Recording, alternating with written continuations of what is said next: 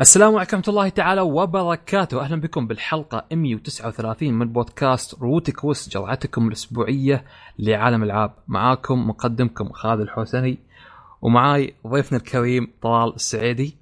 يا هلا وسهلا. يا أهلا فيك. طبعا آه، مو موجود الشو الثاني بي- بيحضر محمد آه، عنده مشكلة بسيطة تقنية إن شاء الله بتنحل وبيحضر معنا الحلقة. والشباب الثانيين يعتذروا بسبب ظروف خاصة، على العموم آه، إن شاء الله بتكون الحلقة ممتعة. طلال كيف حالك؟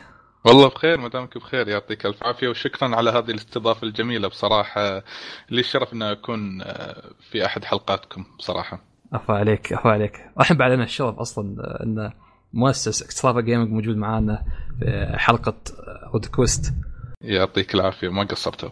وأبارك لك على ال ألف مشترك في اليوتيوب بعد إيه الله يبارك فيك يعطيك ألف عافية وعقبالكم إن شاء الله إن شاء الله توصلون لل ألف والمليون بإذن الله تعالى. دوامنا طويل ها إيه عادي شوية اهتمام بس وإن شاء الله تكونون واصلين بإذن الله.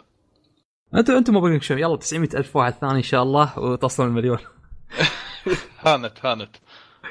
فإن شاء الله خير آه، عرف عرفنا عن طلال نفسه شو يحب من الألعاب شنو نوعية الألعاب اللي يحبها RPG قصص أه، شوف overall أنا عادة عندي عنصرين مهمين بالألعاب.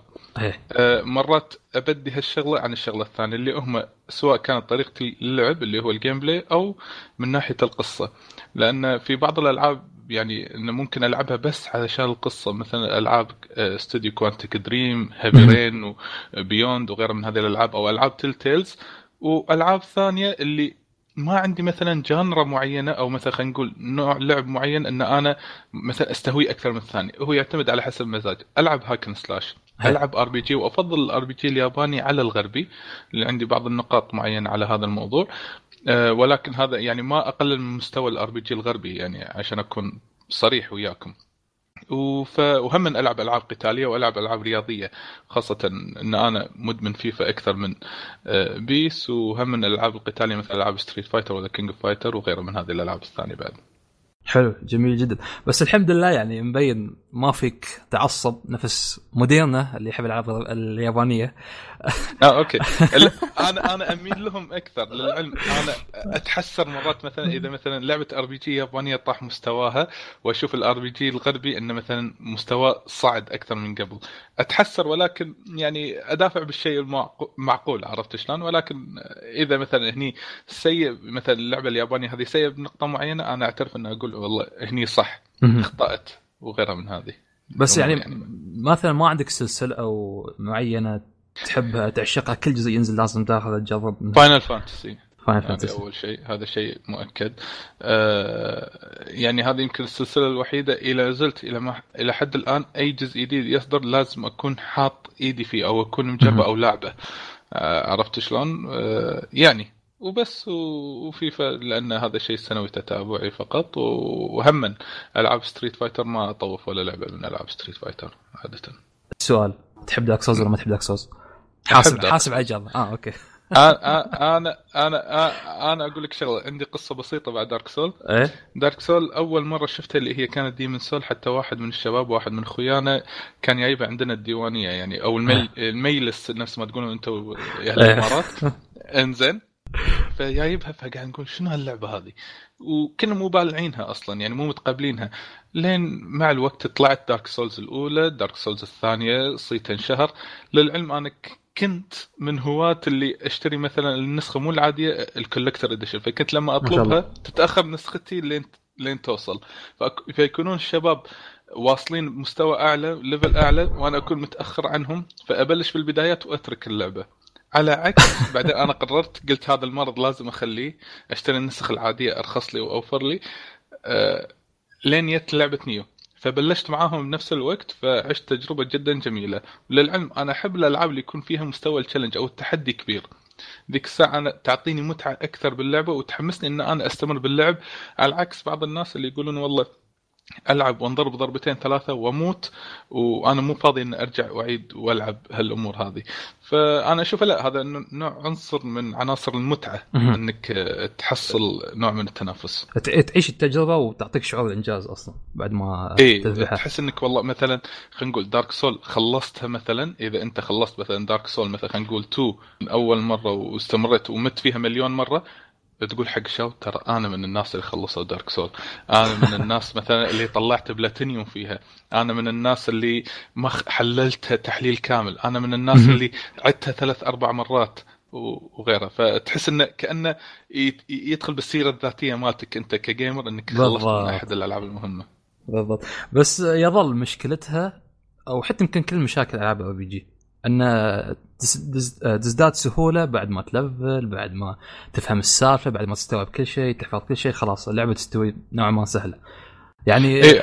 قلت هالشيء قبل يعني مثلا بالنسبة حقي يوم لعبت Nioh أشوفها سهلة وايد ليش؟ لأن كان عندي advantage كبير إني لاعب كل ألعاب ال Souls صح فأنت style اللعب مو مختلف وياك وايد على عكس الناس اللي دشوا فيها من البداية فهم الألعاب نفس ألعاب Souls أو, أو Nioh وغيرها من هذه الألعاب المشابهة إذا أنت خلصت أول مرة تكون أنت فاهم مسألة الزعماء شلون تباريهم. صح حتى لو فهمت مسألة الزعماء أو البوسات في اللعبة شلون تباريهم أو شلون تقاتلهم بال New Game Plus أو New Game Plus 2 وغيرها من هذه الأمور تكون قوة الزعيم مثلا انه health ه كبير طاقته تصير أكبر ال damage ماله يصير أعلى فتكون لازم أنت علشان تتغلب عليه نسبة الخطأ منك تكون أقل لأن ألعاب Souls دائما أو خلينا نقول أغلب المرات الأخطاء تي مو من اللعبة تي منك أنت كلاعب بالضبط.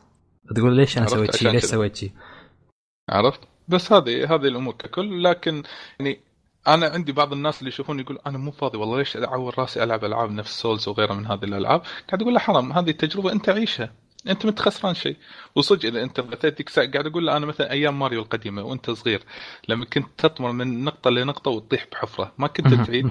للعلم كان علينا إحنا كمستوى يعني خلينا نقول أعمار صغيرة كنا نشوف إن هذا شيء يعني صعب أو معجز. أو مثلا نباري Bowser اللي بنهايه اللعبه يحذف لك نار من فوق ومن تحت أه تطمر على شوك تخسر ولا غيره من هذه الأمور. فكنا نحاول ونعيد ونجرب أكثر من 10 10 20 مرة. يلا نفوز عليه. نفس الفكرة الحين في Souls إن مستوى الصعوبة تغير ال design تغير بس على طريقة ثانية. فهي يعتمد على الشخص نفسه فقط. أها صح اذكر أذكر حتى أنا بدايتي في ال Souls اللي أول شيء بديت Dark Souls 1 أنا. آه لين ما أدري لو تتذكر لو وصلت شي boss كبير في بالي منطقة بالي يعزكم الله. هذا يمكن وصلت بتسع ساعات.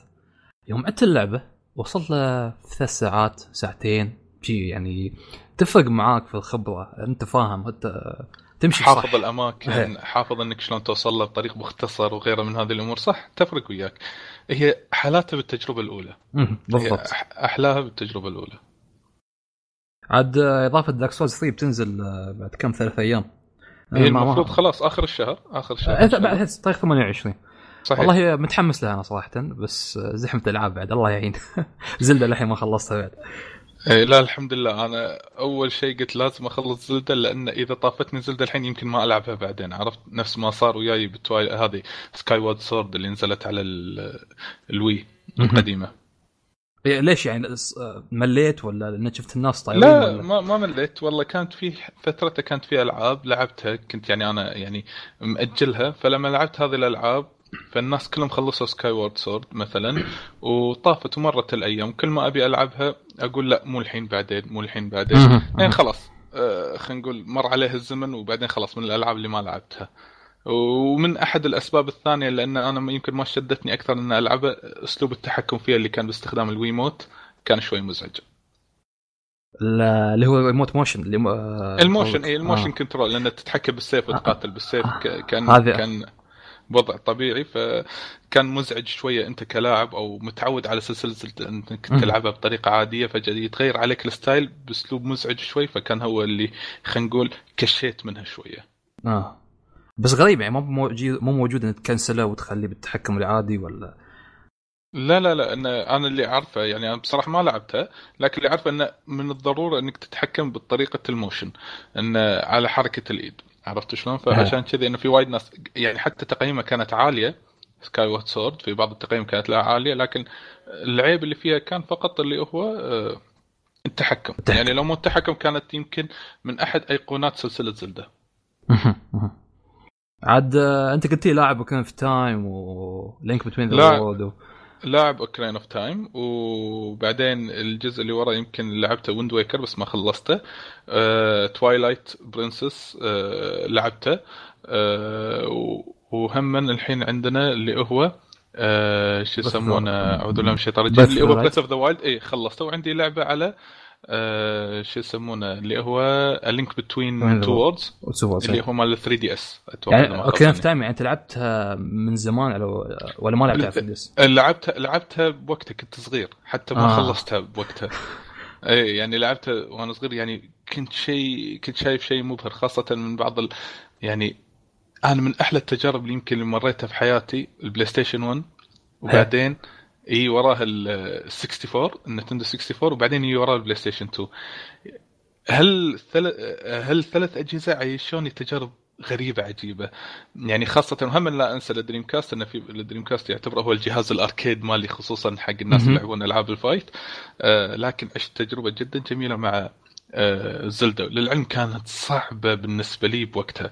يعني أنت قاعد تتحكى بال 98 أنا نعم. كنت تقريبا يعني عمري هني اعوذ بالله من الشيطان الرجيم يمكن 12 سنة أو إيه. 11 سنة واللعبه خصوصا ما تعلمك شيء ما تقول لك شيء يعني لا، لازم لا، انت لا. تفهم لعبة و... مفتوحة إيه. و- وفي ودائما انت تدري ان بعض المش... المهمات انه تعتمد على الكلام فأنت كان عمرك صغير والإنجليزية مالتك شو... ضعيفة فكنت تلعب على الله عرفت أنت. على البركة خلينا جرب. انت حظك.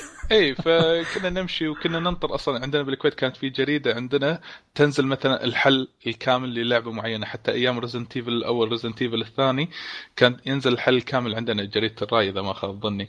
فكان ننت- ننتظر كل يوم جمعة نشوف هذه الصفحة بالجريدة علشان نعرف شنو الحل. أيام المجلات بعد ذكرتني. أيام المجلات أيام مجلات مجلات ألعاب الكمبيوتر والمجلات الثانية الأجنبية Game Game Pro Tips and Tricks وغيره من هذه المجلات. يعني خاصة آه، يعني نفس ما أقول أنا مرات أحسد نفسي أقول أنا عشت يعني فترة آه، اللي لحقت على الجيل القديم okay. وعشت تجربة آه، الجيل الجديد. ف يعني Zelda يعني من Zelda Ocarina of Time حطت مفهوم في ذاك الوقت بال 98 أو كانت قدوة لكل ألعاب ال open world. عالم المفتوح. يعني وايد ألعاب اقتدوا ب Zelda Ocarina of Time وعرفوا شلون يترجمون فكرة عالم الألعاب المفتوح. حتى في لعبة كان اسمها Body Harvest على ال Nintendo 64 كان من استوديو اسمه دي ام إكس دي ام إكس يمكن يمكن ما حد يمكن طاري باله شنو هذا الاستوديو. استوديو DMX هو استوديو Rockstar اللي مسوي آه، GTA آه. Grand Theft Auto. كان اسمه القديم هذا Rockstar North إذا ما خاب ظني. استوديو Rockstar North. كان اسمه DMX وكان مسوين لعبة اسمها Body Harvest وكانت open world بعد Zelda نزلت. ف يعني يعني حط يعني اللي زعلان من Zelda الحين أو ما عجبتنا يعني نشوف أصلك وين كان؟ كان Zelda بعد يعني اللي يحب GTA وكذا. إي إي ف يعني يعني يعني أنا أحترم هذه السلسلة. صدق إنه آه، خلينا نقول الثيم مالها أو جوها مو طفولي ما أقدر أقول عنه طفولي لكن بريء خلينا نقول نوعا ما. آه، يعني يعني ما مو مايل للعنف أو ال darkness وغيره من هذه الأمور. ولكن قاعد تقدم لنا يعني شركة نينتندو بهذه السلسلة مفاهيم جديدة أفكار جديدة. على عكس بريث اوف ذا وايلد اللي أنا يمكن تناقضت معاها بهالشغله هذه لأن تناقشت مع أحد الشباب قاعد أقول أو هو سألني قال لي طلال ما لاحظت شغلة بسلسلة زلدة؟ قلت له. شنو؟ كان يقول لي دائما سلسلة زلدة تقدم لنا مفهوم جديد في عالم ال video games. أوكارينا اوف تايم قدمت لنا مفهوم ال open world، بعدين جت مثلا ماجوراز ماسك سالفة الوقت. انه كان فيها الوقت انه تتحكم. بالوقت. بعدين جت عندنا مثلا ويند ويكر مفهوم ال open world بط- بطابع إنك تتنقل بالبحر وغيرها من هذه الأمور. style اللعب بال motion اللي سكاي وارد سورد ما عدا بريث اوف ذا وايلد قد هي جمعت بين أهم العناصر الموجودة حاليا عندنا في عالم الألعاب. مثلا صعوبة دارك سولز نوعا ما. آه. آه من ناحية آه ال open world نفسها الفكرة موجودة لكن حسيت كانه في element من سلسلة سولز ان تحصل صعوبة في بعض الأحيان خاصة لما تلعب وتباري بعض الزعماء أو بعض الوحوش. عادي مثلا وحش بسيط آه آه لما تي تباريه أو الضاربه من ضربة واحدة عادي يذبحك أو من ضربة واحدة يخلي هيلثك بسيط. حتى على سبيل المثال الذكاء الصناعي باللعبة أنا أقدر أقول عنه ممتاز لأنه إذا شاف أنت مثلا لبسك مقاوم مثلا إن خلينا نقول الوحش اللي ضدك ماسك عصاية، العصاية هذه قاعد تدمج عليك damage خفيف بسيط.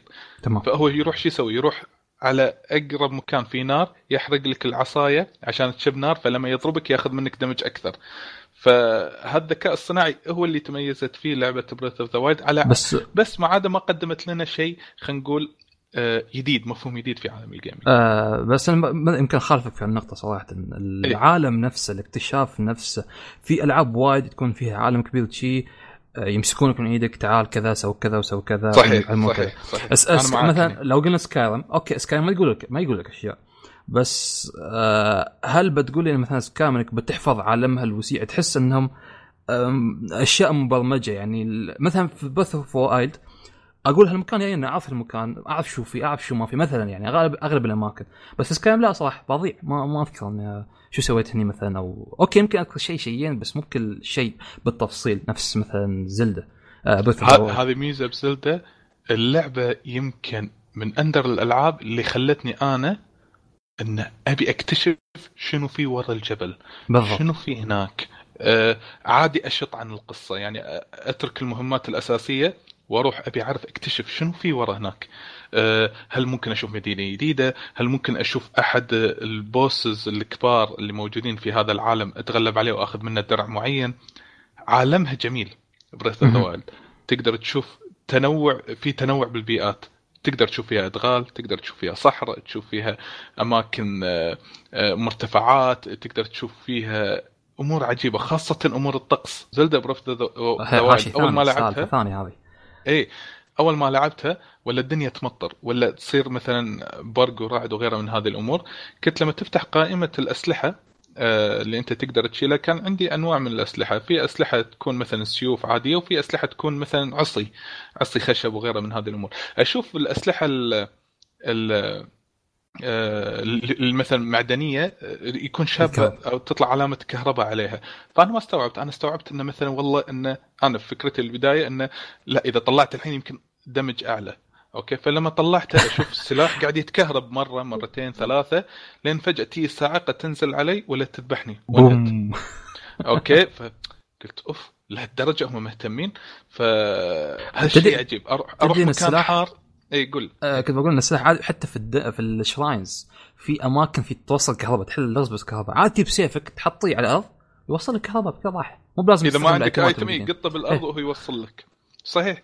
فأروح أماكن حارة مثلا آه، أسلحة الخشبية تحترق. إيه. okay.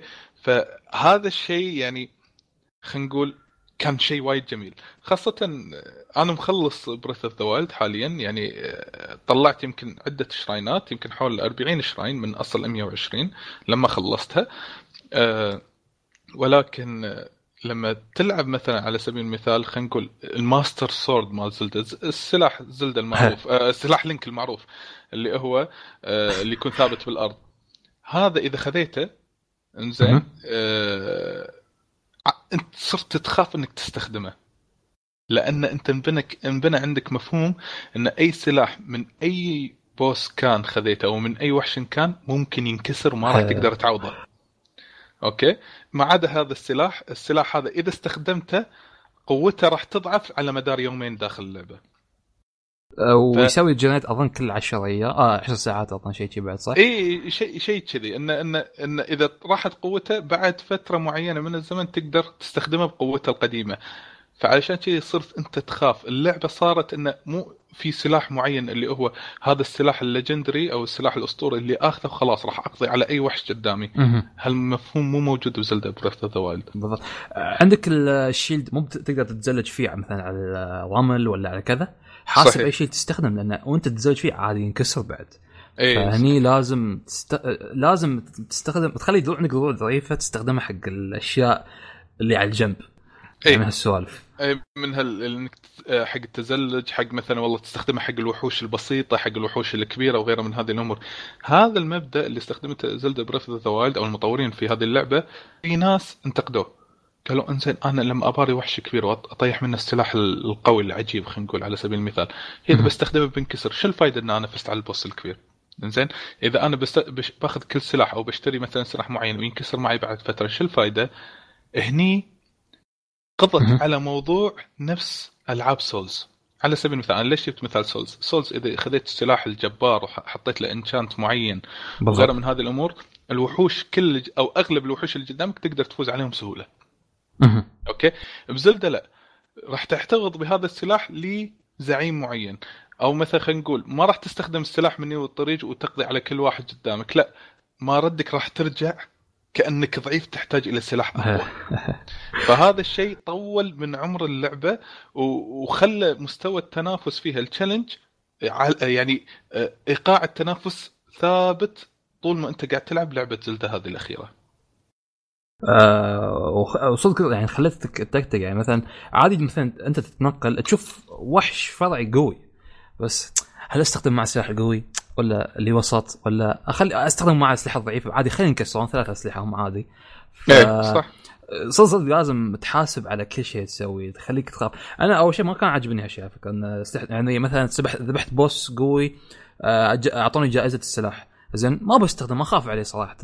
شيء ما بتهنى فيه مثلا. نفسك في البداية أنا بس بعدين قلت عادي صح احصل وايد أسلحة يعني. حتى اتنقل احصل وايد أسلحة. صح إن مثلا ما يكون دمجها مثلا سلاح حصلت دمجها 50 ولا 40 حص... آه، صح إنه مو بهالدمج بس اللي damage ها 20 ولا 30 تأدي الغرض صراحة يعني. الوحوش الصغار عندك السحليه يا أخي مريضة صراحة.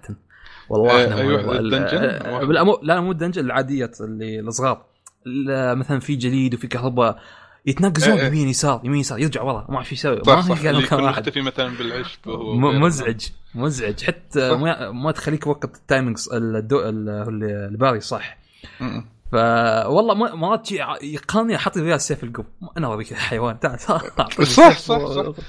فهذا الشيء أنا بصراحة يعني من زمان ما لعبت لعبة كذي وأنا أستمتع فيها بعالم مفتوح يعني من بعد Horizon يعني عرفت؟ أنا. أتحكى إن أنا هم خلصت Horizon أه بس Zelda لها طعم ثاني.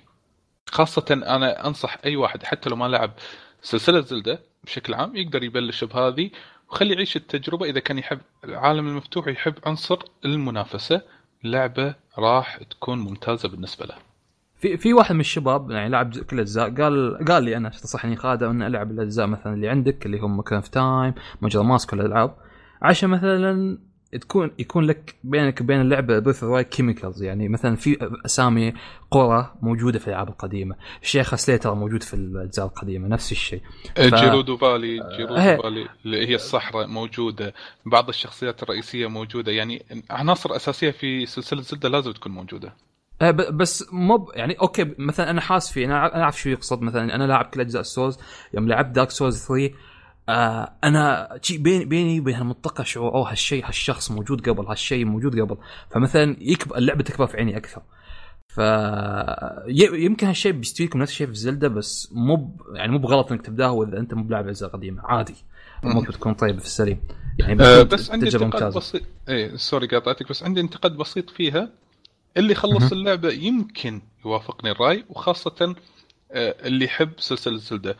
الزعيم الأخير عندي له انتقاد ما راح أتكلم شنو هو علشان لا أحرق على الناس أو يكون spoiler للناس اللي للحين ما لعبوها. هي.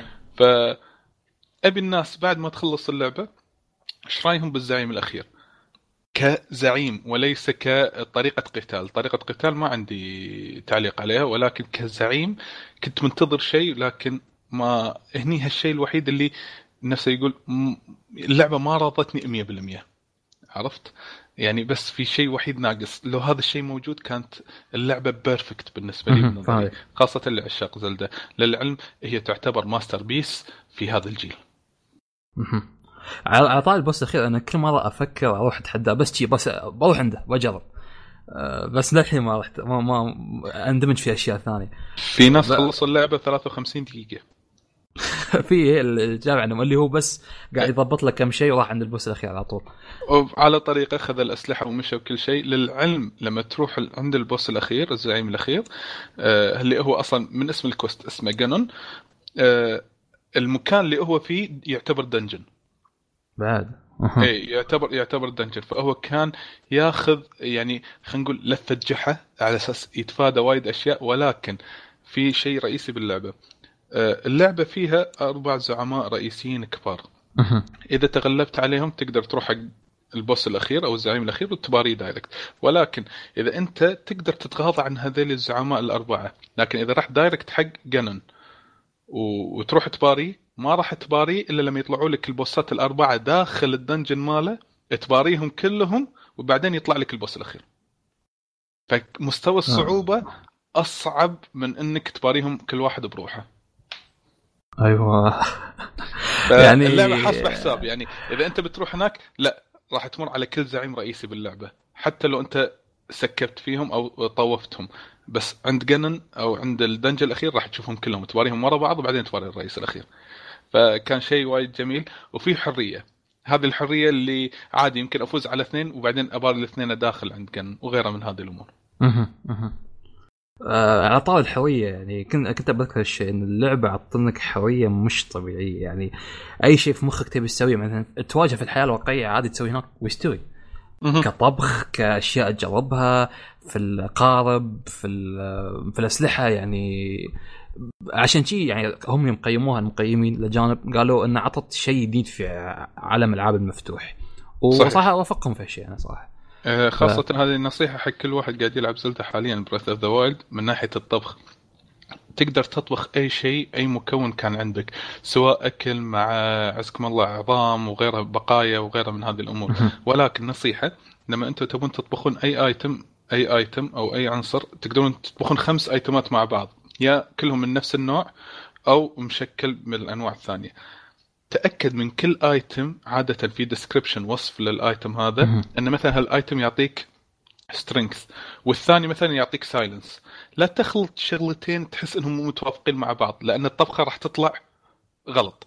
الطبخ الغلط عادة بس تييلك قلبين. تزيد اي قلب أو قلبين وبس ما منها أي فائده على عكس مثلا في item اللي هو الموز أنا أنصح فيه وايد باللعبة. إذا خلطت خمس موزات طبخت خمس موزات مع بعض يييلك زائد يعطيك strength triple strength اي عرفت؟ هذا خاصة إذا تبي تستخدمه على زعيم معين وغيره من هذه الأمور. مثلا item يعطيك نوع من ال spices البهارات الحارة. هذا يعني معناته إذا خلطت أكثر من واحد يعطيك مقاومة ضد الحرارة. على عكس ال item الثاني اللي يعطيك مقاومة ضد البرودة وغيرها من هذه الأمور. وغير غير حتى عندك الملابس نفسها فيها فيها أشياء فيها skill معين يعطيك وفي قرية تعطيك حتى بعدين تفتحها اللي هو جو آه، المجوهرات. مجوهرات إن تلبسها مثلا تعطيك مثلا cold resistance زيادة ومن هذه الأشياء. غير الإكسير اللي تسويه حتى من الطبخ. مثلا تجيب أجزاء من آه، الأعداء يطيحونهم أجزاء. وتخلطها مع مثلا مع حشرات مع سحالي مع اللي هو يعطيك الإكسير الفلاني. فهذه حتى آه أنا كنت بقول شغلة والله نسيت. دائما دائما لا تهملون الطبخ. لأن الطبخ شيء وايد أساسي باللعبه أنا ما اقولها مني مني بالطريق لكن راح تحسون فيها خاصة إذا عانيتوا من زعيم معين. وفي أماكن أصلا ما تقدرون تدخلون لها إلا لما تطبخون الأكلة المناسبة تاكلونها عشان يكون عندكم مقاومة تدخلونها. وأتوقع أنت مريت فيها خالد. بالضبط. يعني في في مكان آه، فوق اليبل على اليمين جليدي. في مهمة حتى shrine quest اللي هو وزد آه، بحيره الوزد بحيره الحكمة شيء اسمها. إيه. هناك ترى ما رحت كيف رحت؟ مع الأكل كل شوي أطبخ لي اللي هي وجبة ال cold resistance وحصلت لي بدلة. فسويت لي كمية محترمة يعني لأن الجبل وايد كبير صراحة يعني يباك الشغل على الأكل عشان تضبط عمرك و... وغير إنك في هو shrine quest يعني مو هني والطريق تشوف على طول لا لازم تشتغل عليه. وغير في ال shrine ات المنخشة مثلا تحت الحصى ولا أشياء ثانية. فلازم تحاسب حسابك لكل شيء تسويه. وهم يمكن المستمعين عبالهم إن في نوع من ال level system نظام إن ت level لأن شخصيتك تت level. اللعبة ما تعتمد على ال level لأن ما في level للشخصية اللي هو لينك تعتمد على اللبس وعلى الأسلحة اللي أنت تشيلها. متى أوه. تكون قوي؟ إذا شلت سلاح قوي ولبس مناسب. وطبعا عندك القلوب وال stamina هذا كيف تطورهم عندك ال shrine ات كل ما تخلص صح. أربع shrine ات تقدر تطور قلب واحد ولا تزيد stamina اي تزيد آه، مثلا مضافة. 20% من ال stamina أو تأخذ لك قلب زايد وللعلم علشان تبي تأخذ ال Master Sword لازم يكون عندك 13 قلب على إيه. الأقل عشان تقدر تأخذه و... ونصيحة مني حاول تزيد ال stamina مرتين زين حق الناس المبتدئين باللعبة. زيد ال stamina مرتين وبعدين زيد كلها قلوب. بعدين ركز على القلوب. لين توصل 13 قلب. إذا وصلت 13 قلب تقدر تروح تاخذ السلاح وبعدين ركز على ال stamina. للعلم أنا خلصت اللعبة آه، تقريبا ب 14 أو 15 قلب. okay؟ وال stamina مالتي بس زايدها مرتين. بس. هو هو لو فكر فيها يعني ال stamina ما بتحتاجها إلا اماكن تسلق مثلا في اماكن صدق يبالك تسلق يبالها stamina بس في أكل مثلا يعطيك stamina ولا يساعدك. فتقدر إيه. تعوضها وفي بعض ال shrine ات أصلا ما تقدر تروح لها إلا لما تكون stamina تك عالية للعلم أن عندي واحد من الشباب يعني ما شاء الله أنا لما خلصت اللعبة كنت مخلصها كنت لاعب اللعبة أكثر من 40 أو 45 ساعة.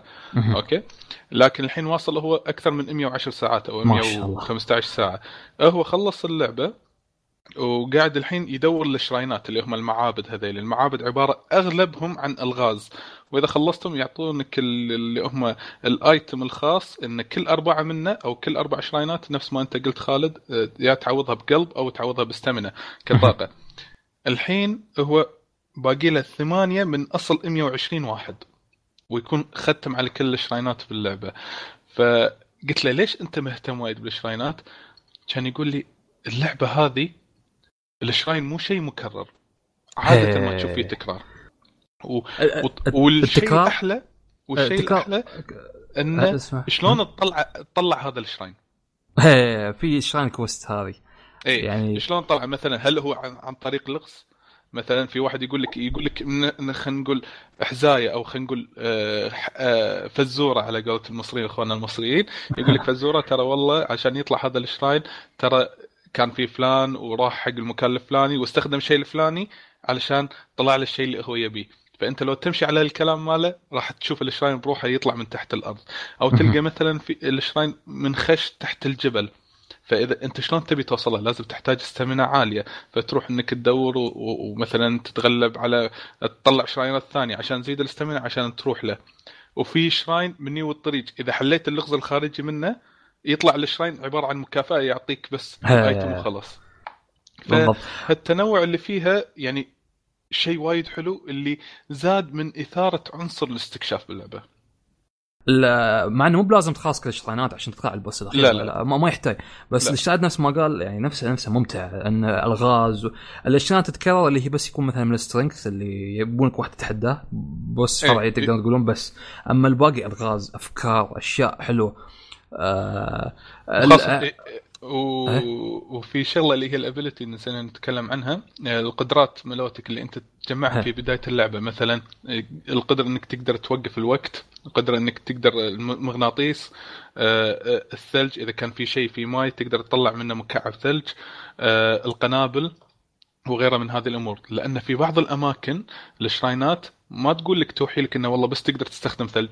لا مثلا على سبيل المثال الان في shrine مثلا من ال shrine ات هذيلي في مثلا منحدر مائي كله ماي في واحد خلصه باستخدام الثلج في واحد لا ما خلصه مو باستخدام الثلج باستخدام شيء ثاني أو خلط بين قدرتين. فهذا الطريقة المفتوحة شلون تخلص ال shrine؟ شيء راجع لك. ولكن ميزة ال shrine ات في بعضهم يقول لك أنت مضطر تستخدم أكثر من ability عشان تخلصه. هذا وهذا دليل على أنه معناته ما في ability عندك أنت بال list ة يكون مثلا idle أو خلينا نقول على وضعية إن أنا ما أستخدمه نهائيا. لازم تضطر إنك تستخدمه. وهذا شيء جدا جميل للعلم. اللعبة فيها نهايتين. في النهاية إذا أنت خلصت اللعبة direct سواء إذا رحت لل boss الأخير أو طلعت كل شيء فيها direct هاي تطلع النهاية العادية. لكن أنت بالضبط. بالنهايه الأصلية في قائمة بالقوائم اللي موجوده باللعبة اسمها الذكريات ال memories. هم في 11. أتوقع في 12 12 أو 11 وحدة. إذا رحت هي عبارة عن صور. هالصور موجودة داخل خريطة اللعبة. إذا وقفت عندها يطلع لك نفس cutscene مشهد سينمائي عبارة عن فلاش باك شنو صاير؟ لأن بداية اللعبة لينك يكون منوم خلينا نقول لمدة 100 مهم. سنة ويرجع مرة ثانية بس فقد الذاكرة. فتروح حق الأماكن هذه وأنت تتذكر شنو اللي كان يصير. فإذا رحت مريت عليهم كلهم. بعدين فزت على الزعيم الأخير أو ال boss الأخير. ذيك الساعة تطلع لك النهاية الأصلية. فهذه نصيحة سو... سو... سويتها أنت ولا؟ أنا خلصتها بالنهاية العادية وصاحبي أنا شفت شفته وياه يعني شفت كل ال flashbacks وشفت النهاية الأصلية هو إنه هو خلص direct النهاية الأصلية ما طلع النهاية العادية. عرفت؟ أه. فانه خ- تاخذ مني وقت خاصة تحتاج مثلا guide معين إنه وين موقع هذه هذه الصورة. لأن في هو- بعض الصور ما ما يدلونك وينها في بعض الصور. هو مو ما يدل هو شو الفكرة؟ انه أظن بين في بين كل جريب يعني شيء مكان هي الصور نقول على الغرب. يكون في ريال هناك تحصله أظن رسام. لو تكلمه يلمح لك يقول آه هذا. بحصله في طريق كذا كذا. فأنت تروح صحيح. هناك وتدور. أنت يوم تروح هناك المنظر كيف تشوفها تحصل نفس دائرة لونها أخضر فاتح؟ يوم توقف هناك تضغط عليها أظن ال A زر ال A إيه، تبدأ فهو المنظر يتذكر يرجع. يتذكر. ف وعاد لقطه الذكرى دومها نفس اللقطه تنفتح عينه. هوبا. إيه، اللي كان يتفاجئ. لا بس overall زلدا Breath of the Wild تحفة فنية. ومن أحد المرشحين الكبار لنيل جائزة أفضل لعبة لهذا العام. آخر شيء بتير Red Dead Redemption Red Dead Redemption بتاخذ أفضل لعبة لأنها غربيه وزلدا تاخذ أفضل آه، اكشن أه، والله ما أدري. يعني شوف عندك Horizon قدمت تجربة جدا مميزة. زلدا Breath of the Wild يعني تحفة فنية. Mass Effect كنت حاطه من ضمن الحسبة ولكن أنا للحين ما جربتها Mass Effect Andromeda ولكن على حسب أقاويل الناس والمواقع الإعلامية حاشوا نوع من الإحباط في هذا الجزء فأنا. شلتها من الحسبة. كانت يعني يعني منافسة قوية. ولكن عندك الحين آه ما أدري إذا في ألعاب ثانية غير Red Dead بيرسونا 2 حبيبتي. بيرسونا بيرسونا ما أتوقع راح تاخذ Game of the Year آه، ممكن تاخذ كأفضل لعبة RP G ممكن ولكن Game of the Year لا عندك الحين زلدا Horizon Red Dead Redemption اللي إحنا بانتظارها. هذه كلها ألعاب كبار.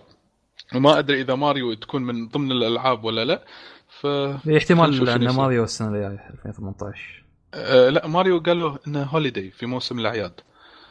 في اشاعه ثانية بعد قلنا بعد يعني مو بشيء أكيد للحين بعد. إيه لأن أنا أذكر في آه، في المؤتمر اللي صار الخاص بالنتندو سويتش لما استعرضوا النتندو سويتش والألعاب مالته اللي صار أتوقع بشهر واحد إذا ما خاب ظني آه قال مياموتو إن اللعبة خالصة تقريبا ولكنها هي في مرحلة ال debugging اللي هي آه، إن فيها bug ات انه ممكن تلعب اللعبة من أولها لنهايتها ولكن إحنا في طور ال enhancement التحسينات وإزالة الجلتشات والبقات أنا- فاحتمال إن هم ممكن يقدرون ينزلونها السنة بشكل كبير.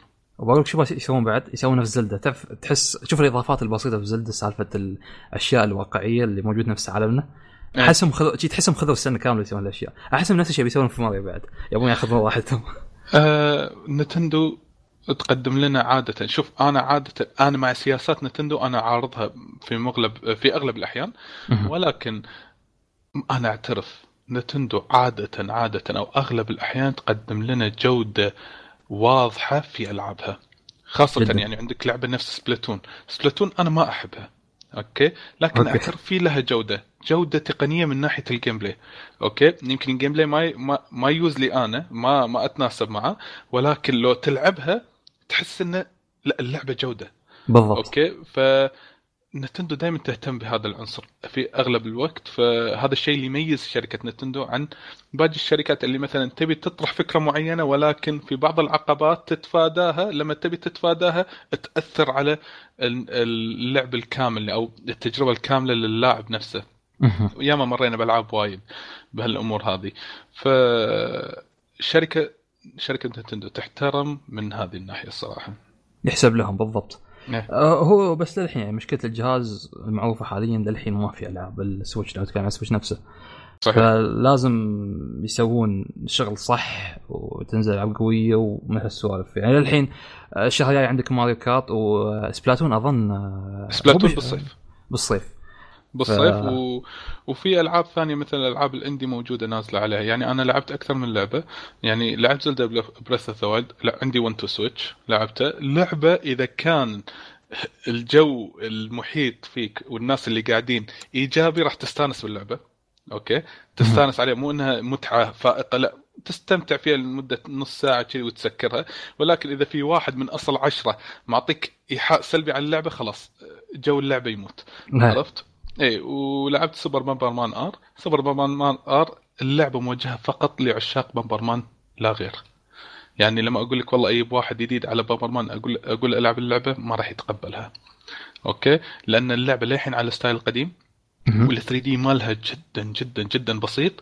ولكن اللي متشوق أو حاب إنه يرجع يلعب ألعاب Bomberman ممكن هاللعبة تناسبه لأن في طور قصة وفي نظام ال co-op انه ممكن أنت وصاحبك تلعبون بالقصة مع بعض وفي نظام ال multiplayer اللي هو ال battle إن كل واحد يقدر يباري يباري نفسه. وهم أنا إي إي بس تفضل. كنت أقول بالسبب اللي قلته أنت عشان كذا مو متشجع ابدا نلعبها حتى يعني الشباب اللي لاعبينها قالوا مو بقوي اللاعبين الاجزاء القديمه يعني.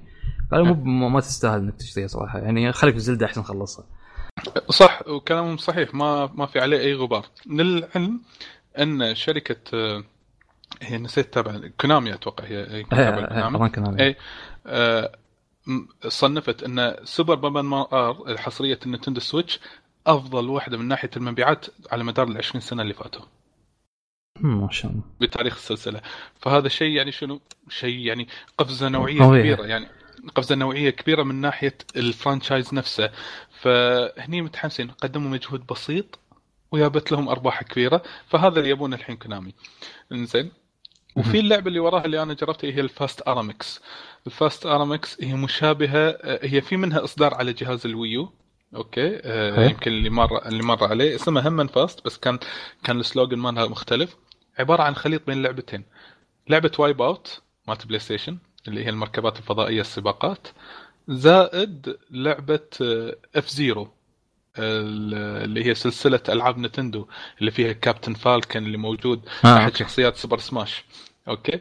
اللي يحب هال style من الألعاب راح تجوز له هذه اللعبة بشكل مو طبيعي. لعبة حلوة سريعة الإيقاع مالها جدا سريع وممتعة ولكن آه ولكن خلينا نقول متعتها يعني عرفت اللي مو أنا والله مثلا اليوم أنا ودي ألعب طول اليوم Fast مهم. لا. مثلا أنا قاعد ألعب Zelda ودي أغير من مزاجي شوي أو مثلا قاعد ألعب Horizon ودي أغير من مزاجي شوي ألعب لعبة سباقات عندك هذه اللعبة مناسبة.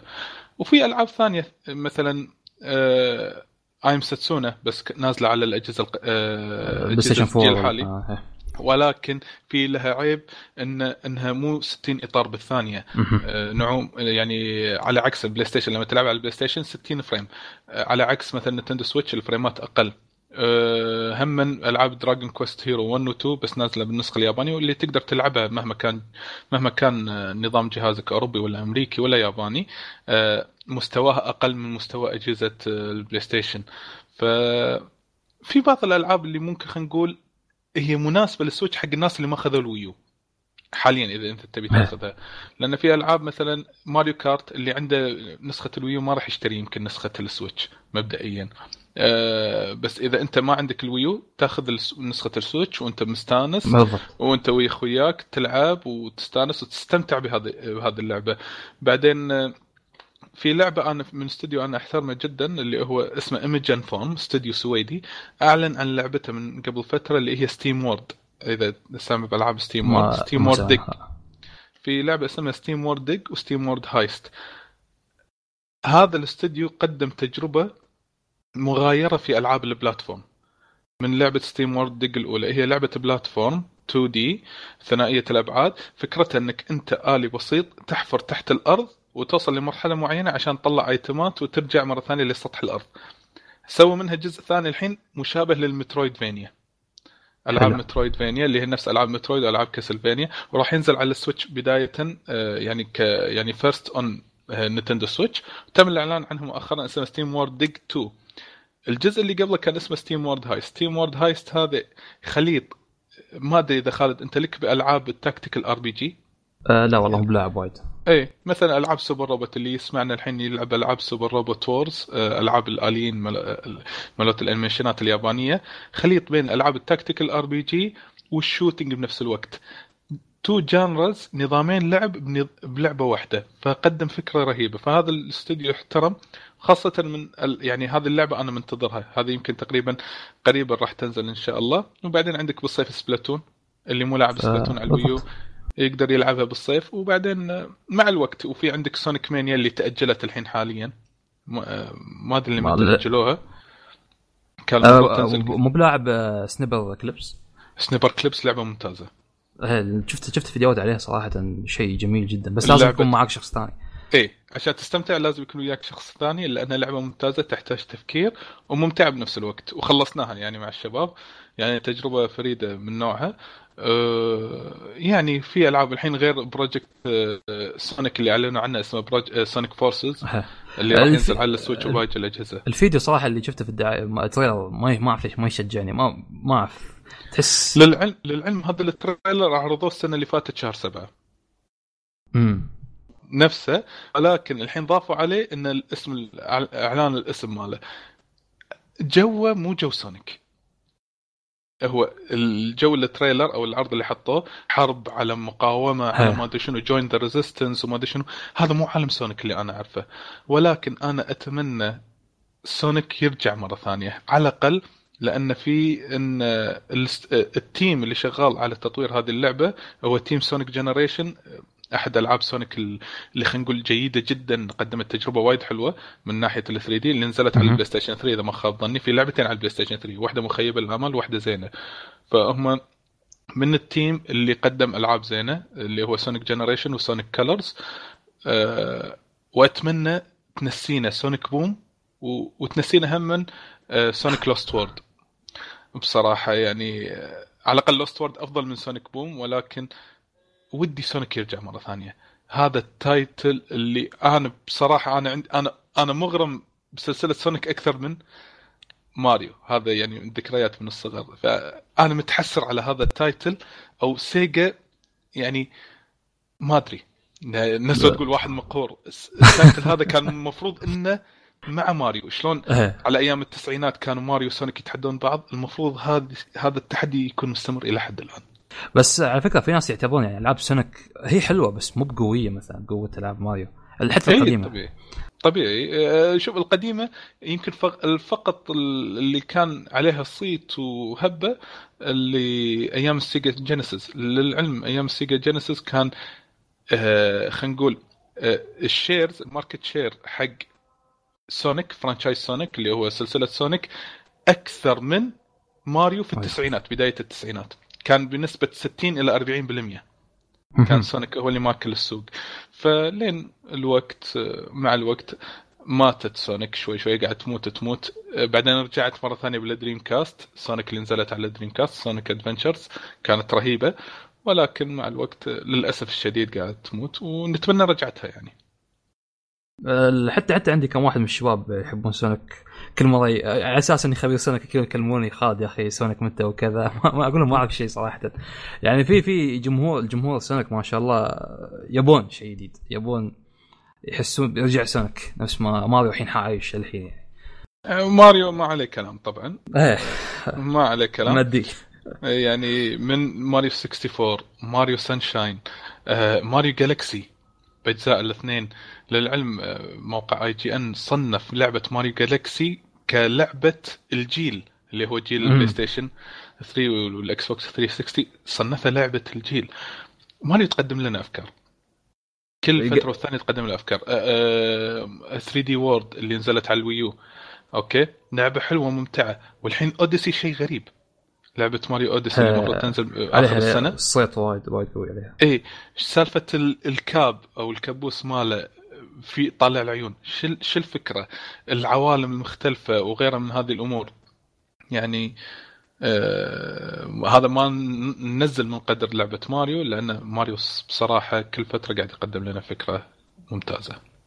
وعلى طاري ان إحنا الحين في السويتش خل لعبت انت Splatoon طبعا اللي كانت البيتا أو Testfire كان. Testfire كان صحيح. فاتح طبعا هم نظامهم غريب إن كل يوم تقريبا تلعب ساعة. آه مثلا أمس لعبنا 11 في الليل عدد توقيتنا.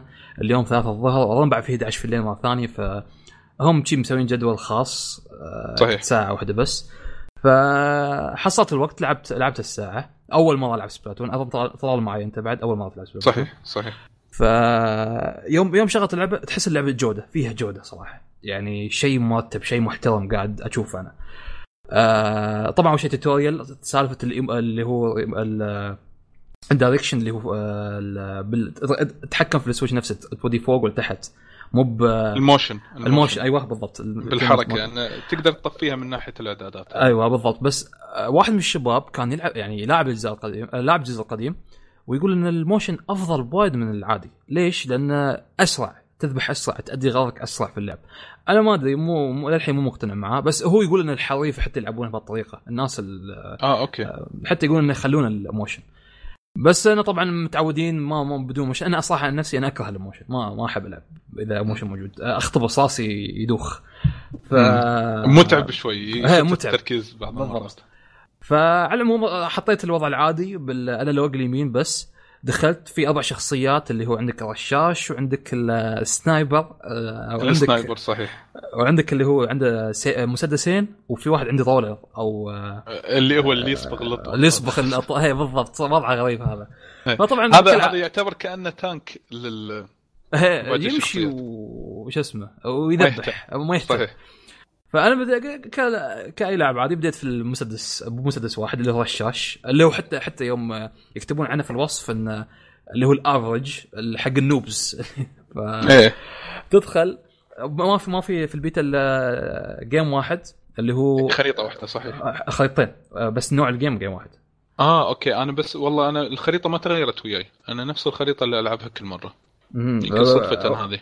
يمكن. لأن حتى كمان طلعت ودخلت عشان أغير الشخصيه فيمكن بس لاحظت إن ال serverات سريعة يعني بسرعة يحصلك أشخاص بسرعة يدخل ال game، ال game قصير ثلاث ثلاث دقائق ما أدري أربع دقائق كان أظن. إي هذا و... من من الجزء القديم كان. هي وتخلص وتبدأ ال game بعد على طول يعني سرعة سرعة. هذا الشيء عجبني شيء سريع. ال game mode نفسه يوم تلعب اللي هو كان شو كان اسمه؟ والله يستخ...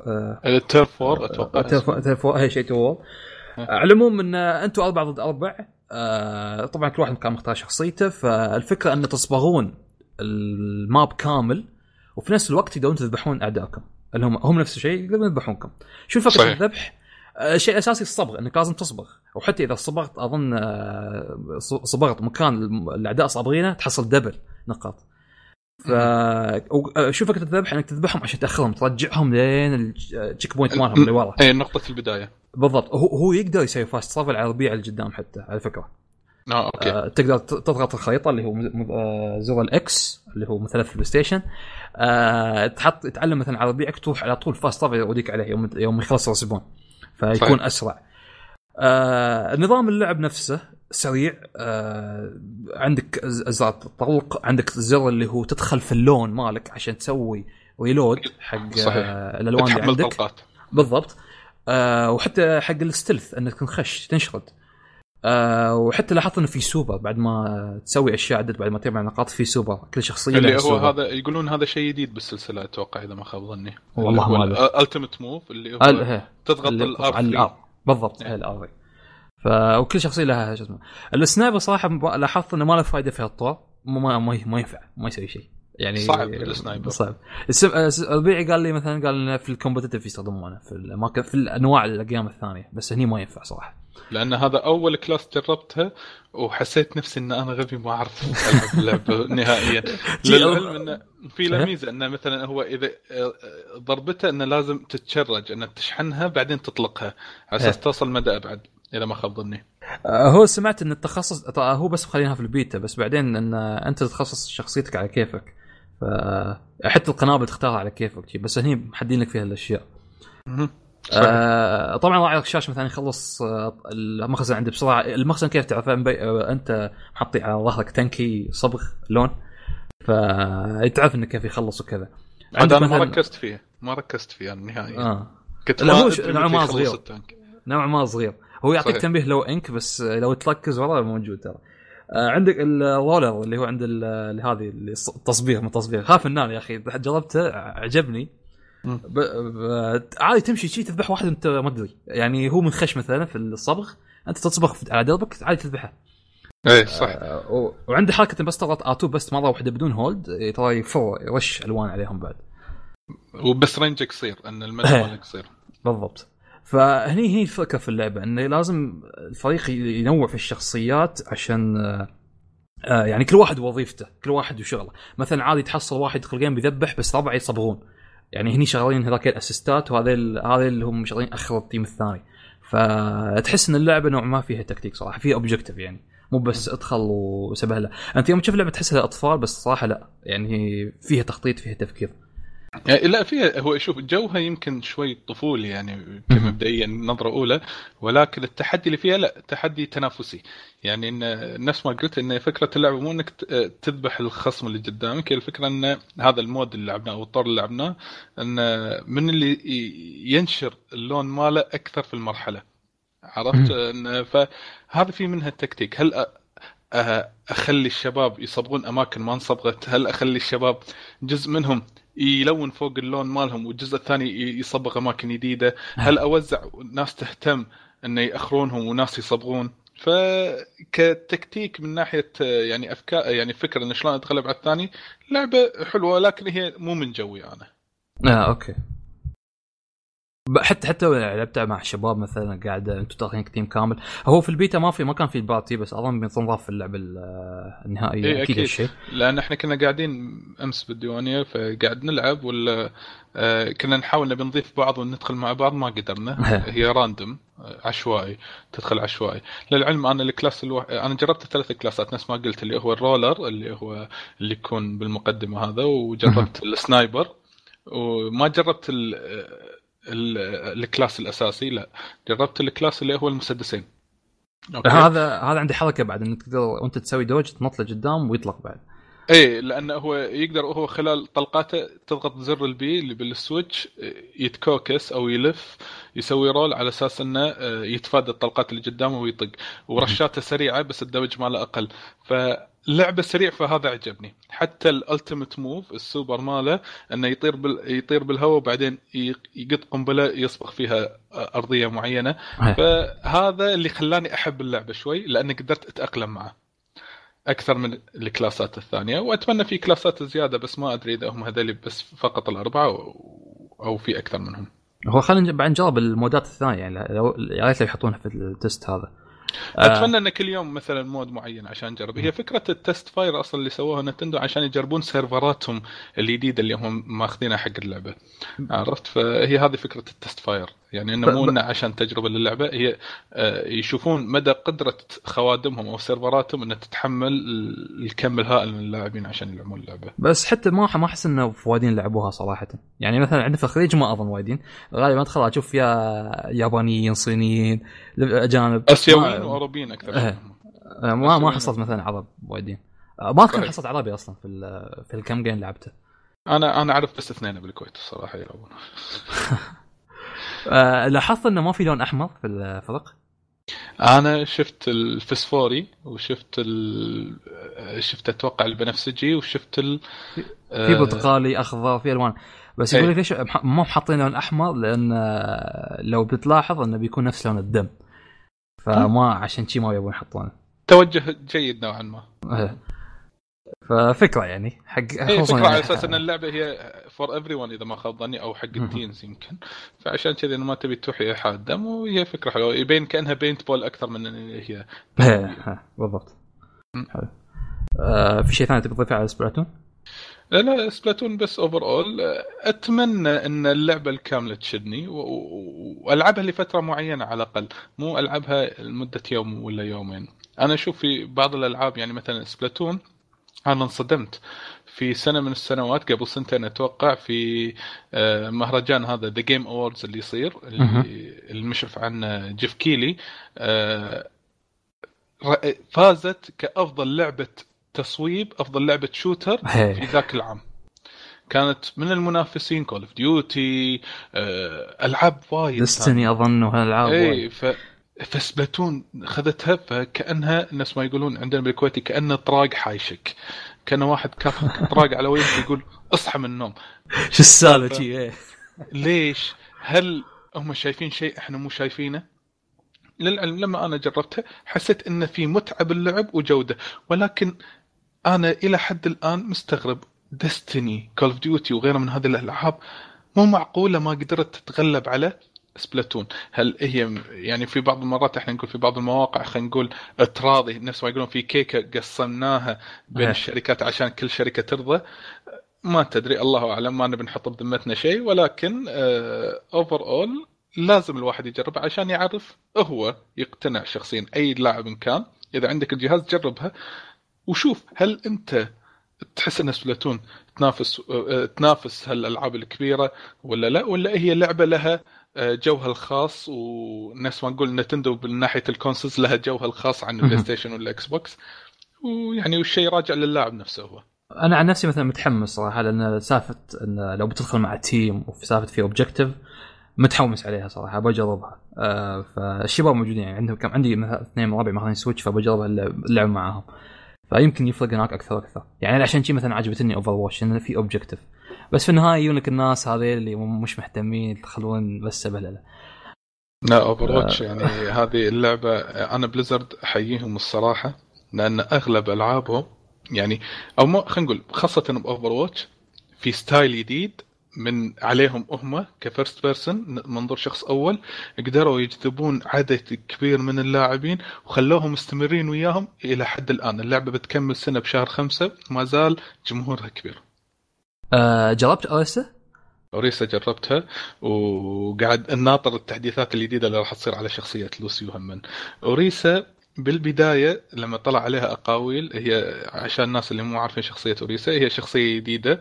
آه, آه، توها نازلة في Overwatch آه، أو تم إصدارها آه سواء على ال PC ولا على ال consoles نظريا آه كان خليط بين ثلاث شخصيات. بس قبل ما ما يستوي تلعبها حاليا بعد حتى في ال competitive لين ما يستوي أسبوع عشان الناس إيه في فترة معينة إن تلعبها بال quick بالنظام السريع اللي هو ال quick play عشان حتى الاوكيد معاها عشان تقدر تدخل بال competitive الدور التنافسي.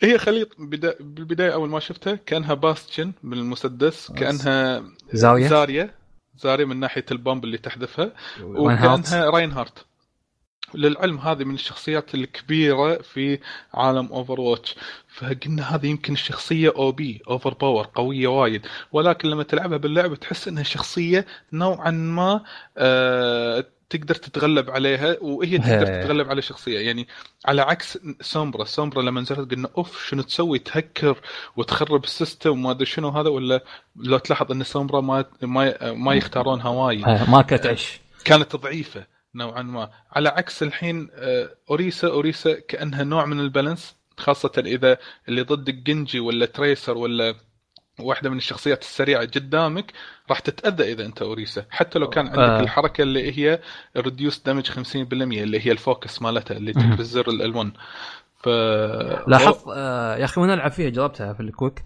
لاحظت إن ال damage يجي لي ما أعرف من وين يعني هي ال hit box أو ما أعرف إذا يسمونه hit box ولا شيء الثاني الاسم الثاني. آه هو إيه كان كان hit box بس كبير كبيرة. هي كبيرة فتحصل damage من كل صوب من كل اتجاه يعني آه، صراحة أنا ما لعبت ويا healer للحين مع healer ممتاز يعني على الأقل حتى. بس آه، بصراحة موت ما لحق. على طول كلهم يصابون علي. أنا ال tank أوب ذبحوه خلاص خلاص ذبحوه. ما يعني ما لحقت أتهنى فيها. ما قدرت أسوي شيء. مو سهله الشخصية. خاصة إن قلنا الرشاش كان أول ما نزلوها بال PTR ال public test region أو public test realm أتوقع اللي بال PC انه من ناحية التجربة كانت 200 طلقة. الحين لما نزلوها أو أصدروا الشخصية خلوها 150 طلقة. للعلم إن طلقاتها مو سريعة. يعني إنه ما توصل نفس Soldier ولا نفس Bastion إن الطلقات توصل direct للخصم. لا فيها delay فيها تأخير نوعا ما كأنها طلقة هي... projectile وهي يوم تمشي حتى يوم تطلق تصير بطيئة أصلا. نفس D.Va نفس شخصية D.Va إنهم مخلينها. فالطلقات ملوتها صدق إنها damage فيها critical hits إن ال hit box على الرأس يعني يصير ال damage أعلى. ولكن إذا ال range بعيد خصمك بعيد وخاصة إذا هو كان شخصية من الشخصيات السريعة ما راح تقدر تصيده بسهولة. على عكس إن أنا أتوقع إن هي ممتازة لل mid range. ال mid range ال range المتوسط راح تكون قتالة وذباحة. و team مع Reinhardt راح يكون شيء جدا كبير. وخاصة يقولون الحين في بعض ال community لاعبين Overwatch يقولون احتمال ترجع هبت أو ترجع خلينا نقول ال hype على أيام إن الفريق بس two healers أو two supporters و full tanks لا بس Bastion قضى على هالشيء ترى. اي Bastion مو هذا Bastion الحين أنا شوف أنا ال main ال character ال main مالي Reinhardt هلا والله okay. كفك كفك. إنزين Reinhardt أنا أحب الشخصيات الكبيرة الشخصيات اللي أنا صدق إنه هو ترى هو كشخصية هو كشخصية بحد ذاتها أحسها غبية نوعا ما إيه مزعج. ويصرخ و... إيه. ف راين بس هيبة. اي هيبة عرفت؟ فالشخصية overall أنا حبيتها وخاصة تعتبر الحين ما في game ما في راين هارت. لازم راين هارت إنه يعطيك كأنه هو نوع من الأمان في المباريات عادة ف راين هارت هذا الشخصية هي مو مسكينة balance متوازنة من ناحية ال damage وغيرها من هذه الأمور ولكن أحس هي من الشخصية هي الشخصية الوحيدة يمكن اللي ما حاشها لا nerf ولا buff؟ آه تعرف شو المشكلة؟ آه استوى buffs ال- الهجوم هجوم الشخصيات الثانية ال attackers.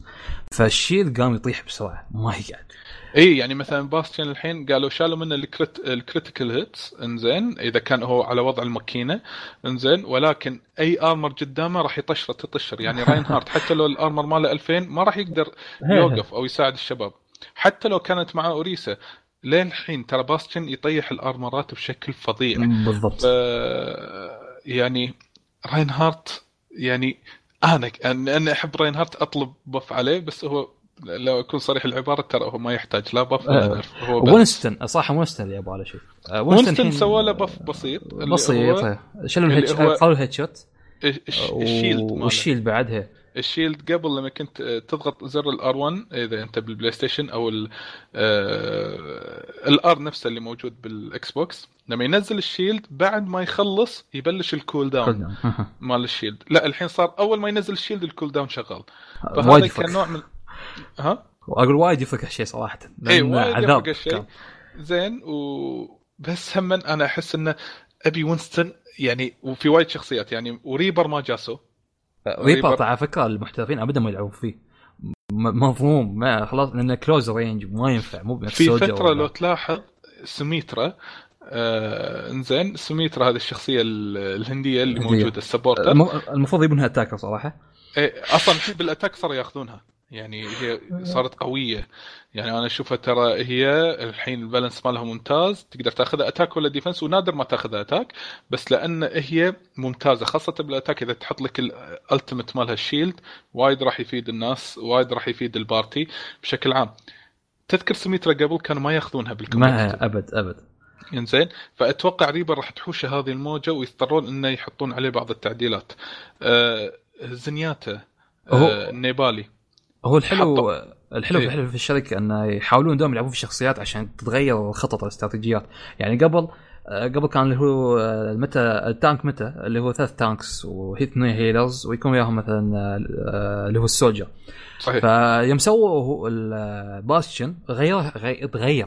مستحيل خلاص ما ما ينفع. لازم آه، الحين باستيان هو الأساس. بس دافع عنه آه، مثلا يجيب حتى ديفا. صار ياخذونه بال attack بعد هم من إيه، إيه، مثلا يجيب حقه ديفا ورينهارت يدافعون عنه مع ال healer آه، يوم انكسر درع رينهارت ديفا تسوي ال matrix ماله.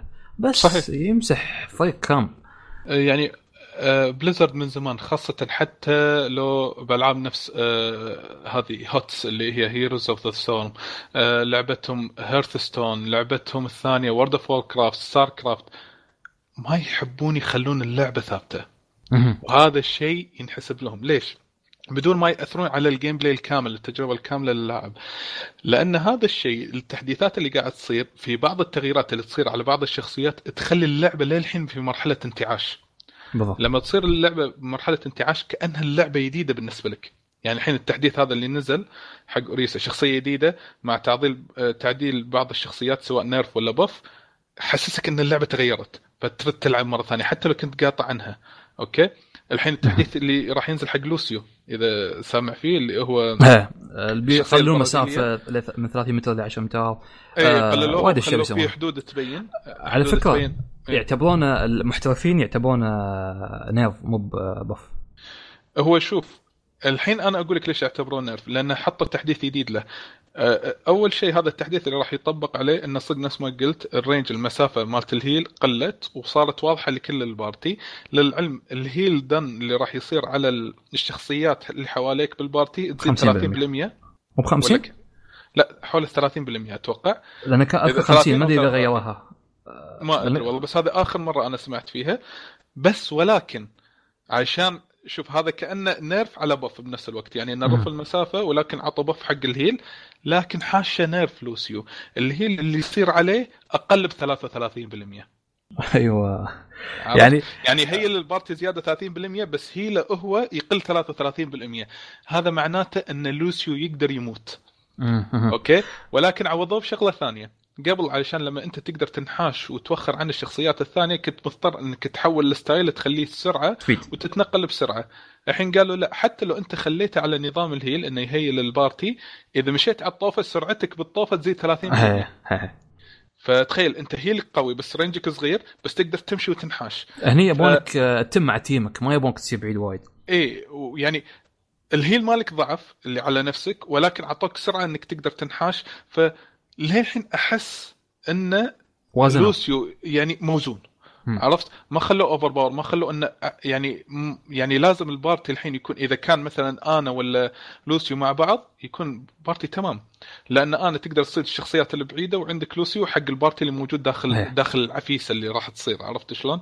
ف وقالوا إن سرعة الطلقات أو مو ثلاث طلقات وبعدين ثلاث طلقات مع بعض ال- آه، زادوا سرعتهم يعني ثلاث. طلقات وبعدين لين تطلع الثلاثة الثانيين آه، قللوا الوقت مالها فعشان. تصير طلقات أسرع مو رشاش وهم في شغلة ثالثة اللي هو ال L2 اللي هو ال push اللي اللي يستخدمه بالسماعة الحين. مهما تنيشن أي مكان مثلا توجه السماعة اللي فوق تضغط L2 لو جاي لك Reinhardt charge تقدر تضغط لفوق تضربها Reinhardt يطير بالهواء nice سالفة Reinhardt يوم يسوي charge أنا دومي مع فلوسي العب يا أخي يعجبني يوم. أنا أقول تعال سوي لي charge سوي لي charge. يا أخي ابغاه يجي أسوي له هذه الابعاد خليه إيه. يدعم سيارة يدعم شيء اي ف- وأنا عشان كذا أقول لك أنا Reinhardt مرات أحسه مسكين يعني عرفت؟ ترى ذو حدين ال charge ذو حدين صراحة لازم تضبطه ف overall يعني أحيي Blizzard على هذه التحديثات اللي قاعد يسوونها سواء إذا كانت تحديثات إيجابية ولا سلبية حق بعض اللاعبين ولكن هذا يزيد من عمر اللعبة أكثر.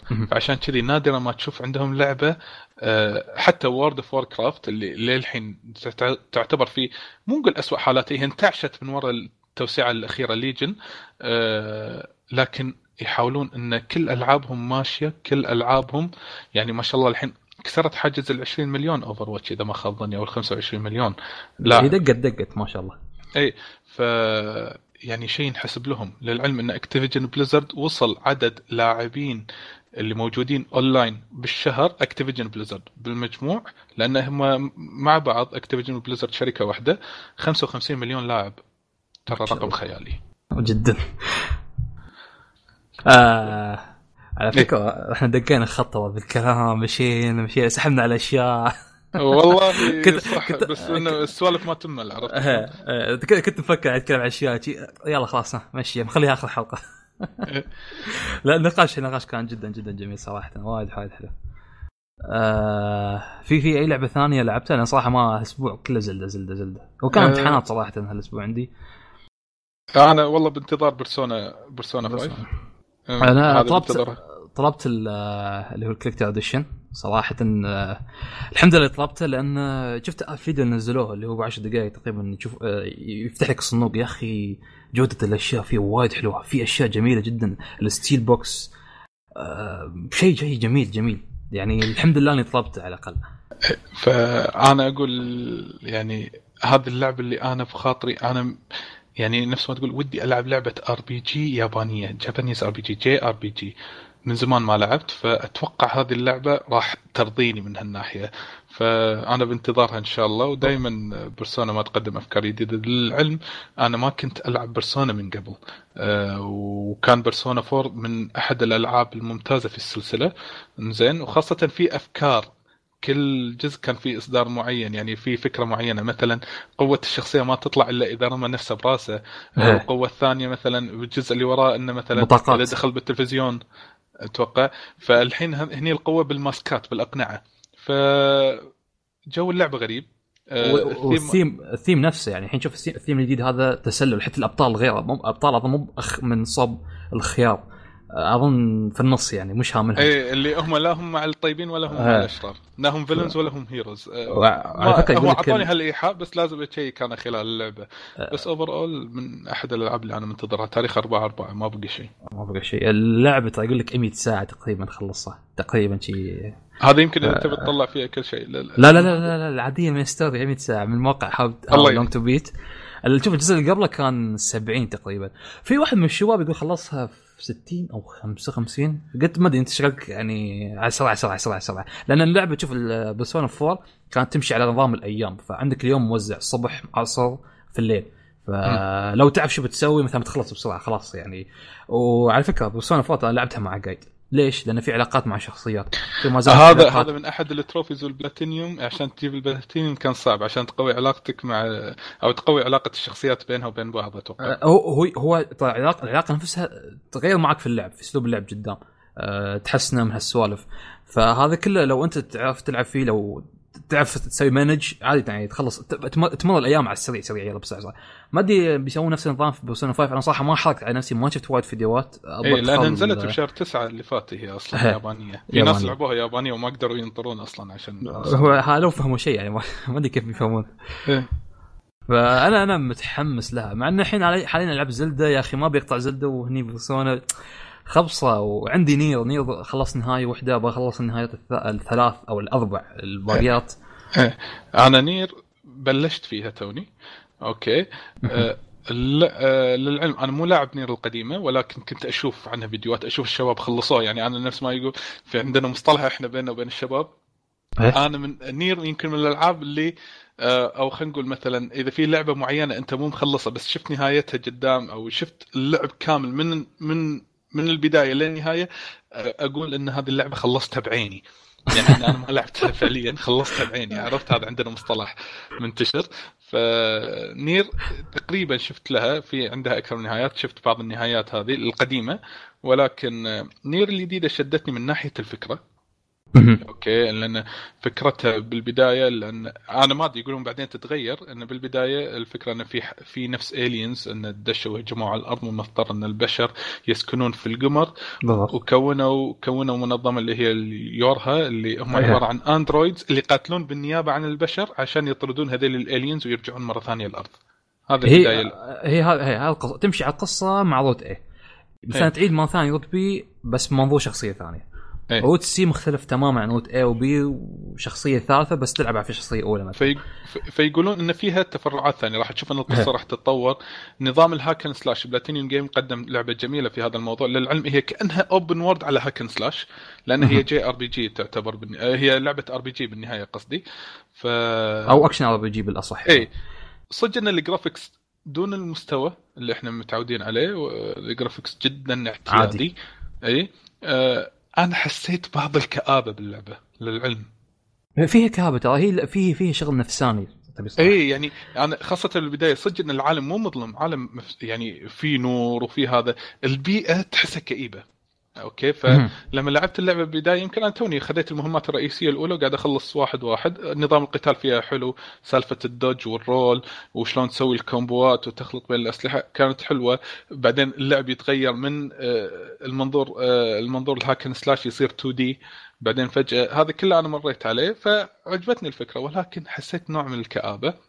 آه، فأنا لما بلشت فيها بعدين لعبت Zelda شوي كان أخليها pause قلت خل أخلص Zelda وبعدين أرجع لها.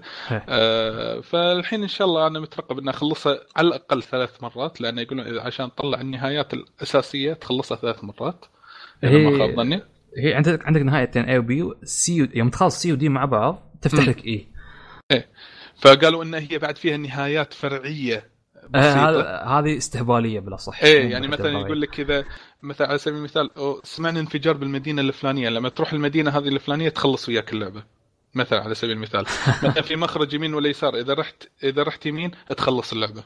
عرفت؟ من هالأشياء. ف... اي من هالأشياء البسيطة. أنا ما أسميها نهايات أنا يعني هذا شيء بسيط عرفت؟ ولكن النهايات الرئيسية اللي سمعت أن تخلصها المرة الأولى الثانية الثالثة على الأقل ان تكتمل عندك الصو... قصة نير. الجديدة أوتوماتا. ف وعلى فكرة هذه من أحد الألعاب اللي راح أخلصها الحين حاليا. يوم تلعب القصة الأساسية بس ترى قصيرة. يعني اللي يطول اللعبة فعلا. آه، ترى يوم يعني مثلا شوف أنا لعبت أول روتي خلصت في 10 ساعات تقريبا بس شو كنت أسوي مهمات جانبية؟ مخلص تقريبا كنت 15% مهمات جانبية. فلو سحبت على مهمات جانبية ترى عادي تخلصها بسرعة. يعني route B لو لعبتها عادي تخلصها في أربع ساعات مثلا. فما يعني لو تحسبها بس هي مهمات أساسية ما بتطول معك. بس هني السالفة المهمات الجانبية يعني أول شيء أنا قلت okay ليش يمدحونها؟ ما فيها شيء. بس بعدين يوم دخلت تعمقت في مهمات جانبية صدق حلوة في مهمات جانبية استهبالية في مهمات جانبية تضيف لك في القصة تعرف شو السبب ليش ومتى وكيف. فهالشيء اللعبة تدخل في قلبك بطريقة ما ما أعرف كيف بس تدخل في قلبك صراحة. أه، تقول أبغى أشوف أبغى أسوي وكذا كذا كذا. تحس مثلا بمعاناة الآليين الموجودين في الأرض. من هالسوالف يعني. ف overall إن شاء الله. أنا متأمل منها خير ولأن ال gameplay مالها ممتع بصراحة. وخلينا نشوف overall شنو النهاية. أنا أنا والله بصراحة شدتني القصة فأبي أعرف شنو راح يصير بعدين. كم كم فيها؟ والله أحس إنك بت... الحين ما أدري إيش احساس بتعجبك صراحة. آه، أنا overall شوف آه، يعني الاستوديو Platinum Game قاعد يقدم لنا ألعاب جميلة عادة اللي خاصة اللي كانوا Clover هم بالبداية اللي هم مشتقين من Capcom إنزين من شركة Capcom آه، لكن عندي بعض النقاط على هذا هذا الاستوديو Platinum Games. إذا ما أقدر أتكلم عنه بس دقيقتين لأن هذا شيء أنا حاز بخاطري خاصة إن لأن Platinum Games قدم لنا تجارب جدا جميلة سواء من Bayonetta سواء من وندرفul 101 آه، Vanquish Vanquish وغيره من هذه الألعاب. الاستوديو هذا إذا كان شيء أساسي لعبة أساسية يقدم لك تجربة ممتازة. وإذا شيء بسيط إنزين نفس خلينا نقول عندهم من أفشل الألعاب الحين نزلت. بتاريخهم آه، اللي هي مالت Ninja Turtle Ninja Turtle. وأظن Transform بعد Transformer على الأقل أفضل منها بمراحل. okay؟ للعلم ان Transformer جيدة وليس جيده جدا جيدة. ف آه، آه، آه، الاستوديو مرة فوق مرة تحت مرة فوق مرة تحت ما عنده نص. على حسب ما عم يمسك. يعني شوف أظن سلاحف نينجا يعني اشتغل عليها بسرعة بسرعة. تحسها نص سنة طلعها. جي يلا. السبب السبب قاعد يسوي كذي. أنت عندك Platinum Games خلال أربع سنوات متعاون مع يمكن خمس شركات بالضبط مضيع نفسه. Microsoft Nintendo. منو بعد؟ يعني في يمكن أربع شركات كبار إذا ما خاب ظني. يعني كانوا شغالين على Bayonetta بعد ومن بي- Bayonetta 2 من Bayonetta 2 عندهم مثلا إي Activision مثلا اللي سووا لهم هذه Transformers وبعدين من Transformers عندهم NieR Automata. NieR Automata عندهم هم آه هذه Star Fox Zero اللي نزلت على ال Wii U الفاشلة. كانوا ما. من أحد المطورين للعبة Star Fox Zero هم مع Nintendo. فالمرة فوق مرة تحت هذه هم مضطرين يسوون هذه الشغلة علشان يكسبون فلوس ويقدرون يعيشون ويكملون يقدمون تجارب زينة. ولكن هذا التنوع والانتشار على team مو بالكبير ولا هو صغير كمعتدل آه قاعد يسوي لهم ربكة. ما في يعني. أنا أنا قاعد أقول لك أنا ك Platinum Games أبي أسمي Platinum Games كنت أس... كنا نسمي إحنا Capcom بالعلامة الذهبية أيام ال 2000 آه، 2000 إيه. بداية ال 2000 لأن Capcom بأيام ال PlayStation 2 قدم لنا تجارب ما تخطر على بال البشر. مثل Onimusha Devil May Cry هاي. Resident Evil 4 ال upgrade اللي صار بسلسلة Resident Evil Okami اللعبة المشابهة ل Zelda لكنها جميلة. آه في ألعاب كثيرة قدمت لنا إياها Capcom Monster Hunter أول مرة تطلع. آه كنا نسميها العلامة الذهبية. ليش؟ لأنها كانت تحاول تحافظ على ال rhythm. الحين أنا ودي Platinum Games تعتبر من أحد الشركات هذه. أبي أبي أسميها العلامة البلاتينية. بس ما أقدر. ما أقدر مو لأن الخبصه في عند- يسوونها ها؟ ما أقول من ال- من شوي الخبصة يسوونها في ال- اي مو. هذا هو. فخاصة الحين عندهم أحد المنتجين الرئيسيين طلع من الشركة اللي هو جي بي كالم اللي هو شغال مع هيديكي كاميا أحد مؤسسين هذا الاستوديو اللي قدم لنا Bayonetta اللي كان مسوي Resident Evil 2 آه، واشتغلوا على مشروع Scalebound اللي تكنسلت. يعني يعني شيء رهيب. شوي شوي في عناصر أساسية قاعد تطلع من هذا الاستوديو ولكن أتمنى هذا الاستوديو يقدم لنا تجارب أفضل في المستقبل إن شاء الله. إن شاء الله. أنا متحمس لألعابهم يعني خصوصا تحس أغلب ألعابهم نوعية ال hack slash يعني نوعا ما وهالجيل ما في وايد ألعاب hack slash فتستمتع يوم ينزلون لك لعبة. هم حطوا standards في ألعاب ال hack n slash خاصة يعني هد... هديكي كاميا من أيام Devil May Cry الأولى.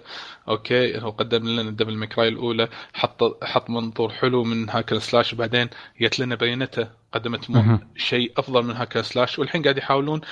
في وايد ناس يقولون إن Bayonetta و Devil May Cry للحين هم أفضل ألعاب ال hack n slash خاصة هم من, من نفس الأشخاص اللي مطورين حق الألعاب الثانية هذه. آه سؤال السريع شو إيه؟ أفضل جزء DMC بالنسبة لك؟ يعتمد. إذا من ناحية gameplay بالنسبة لي الثالث. ال gameplay okay معك. إيه الثالث, الثالث شيء شيء ممتاز. أنا ما أحب شخصية دانتي بالثالث. ليش؟ والله إن افضل شوف هو يتفلسف. للعلم أنا عندي أفضل دانتي يمكن شفته كشخصية يعني من ناحية إنه هو واثق من نفسه ويتفلسف بنفس الوقت هي. الرابع. كان تكانه آه. فهمت عليك. اي عرفت؟ يعني كان الولد صار راكد أكثر. عرفت شلون؟ للعلم أحلى design كشكل دانتي الثاني عندي. design كشخصية اللبس وهذا. للعلم أكره الجزء الثاني أنا. الثاني هي ما أذكر إني صراحة عجبني وايد. لا إن الثاني آه إحنا سوينا حلقة من حلقات البودكاست اللي هي خاصة بسلسلة Devil May Cry وتكلمنا بتفاصيل عن كل الأجزاء. DMC اللي صار المفروض ما يتسمى DMC لأن أنا أحب Devil May Cry ولكن آه. ك gameplay لعبه, لعبة زينة.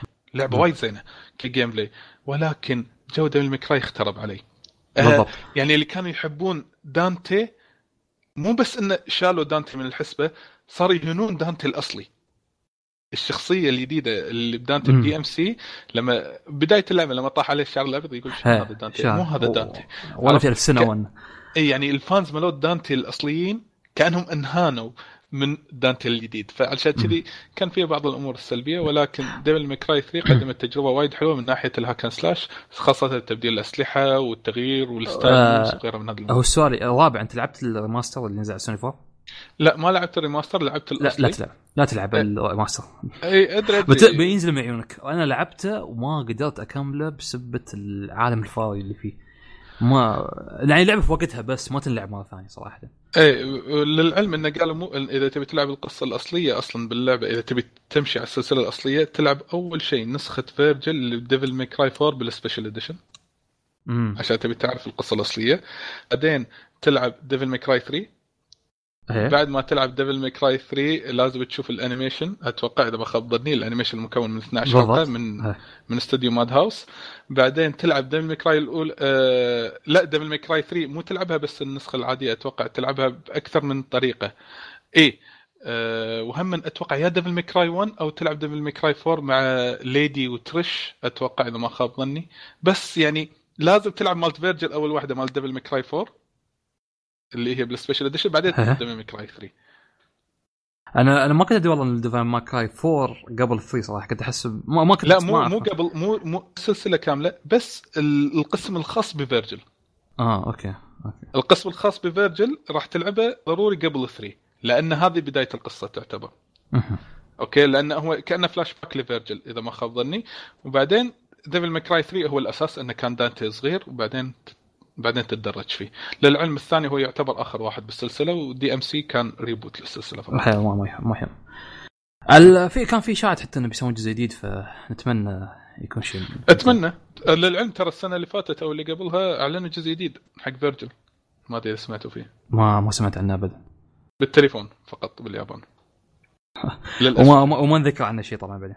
آه،, آه انذكر بس فقط بالمواقع المختصة اليابانيه وحتى قريت الخبر بالغلط وحتى قالوا إنه في أو teaser حق Devil May Cry جديدة بس لما أعلنوا عنه المواقع الإعلامية كلها طخت ما جابت سيره عنه. هو خاص ب Vergil فقط على التليفونات باليابان فقط بال store ات اليابانية. تدري أنت ال store ات اليابانية عندهم ألعابهم الخاصة. يذلونك ذل للأسف. آه، أظن آه، كفاية فقط الألعاب اللي لعبناها بنتقل لفقرة الأخبار. عندنا الله. عندنا أخبار جميلة.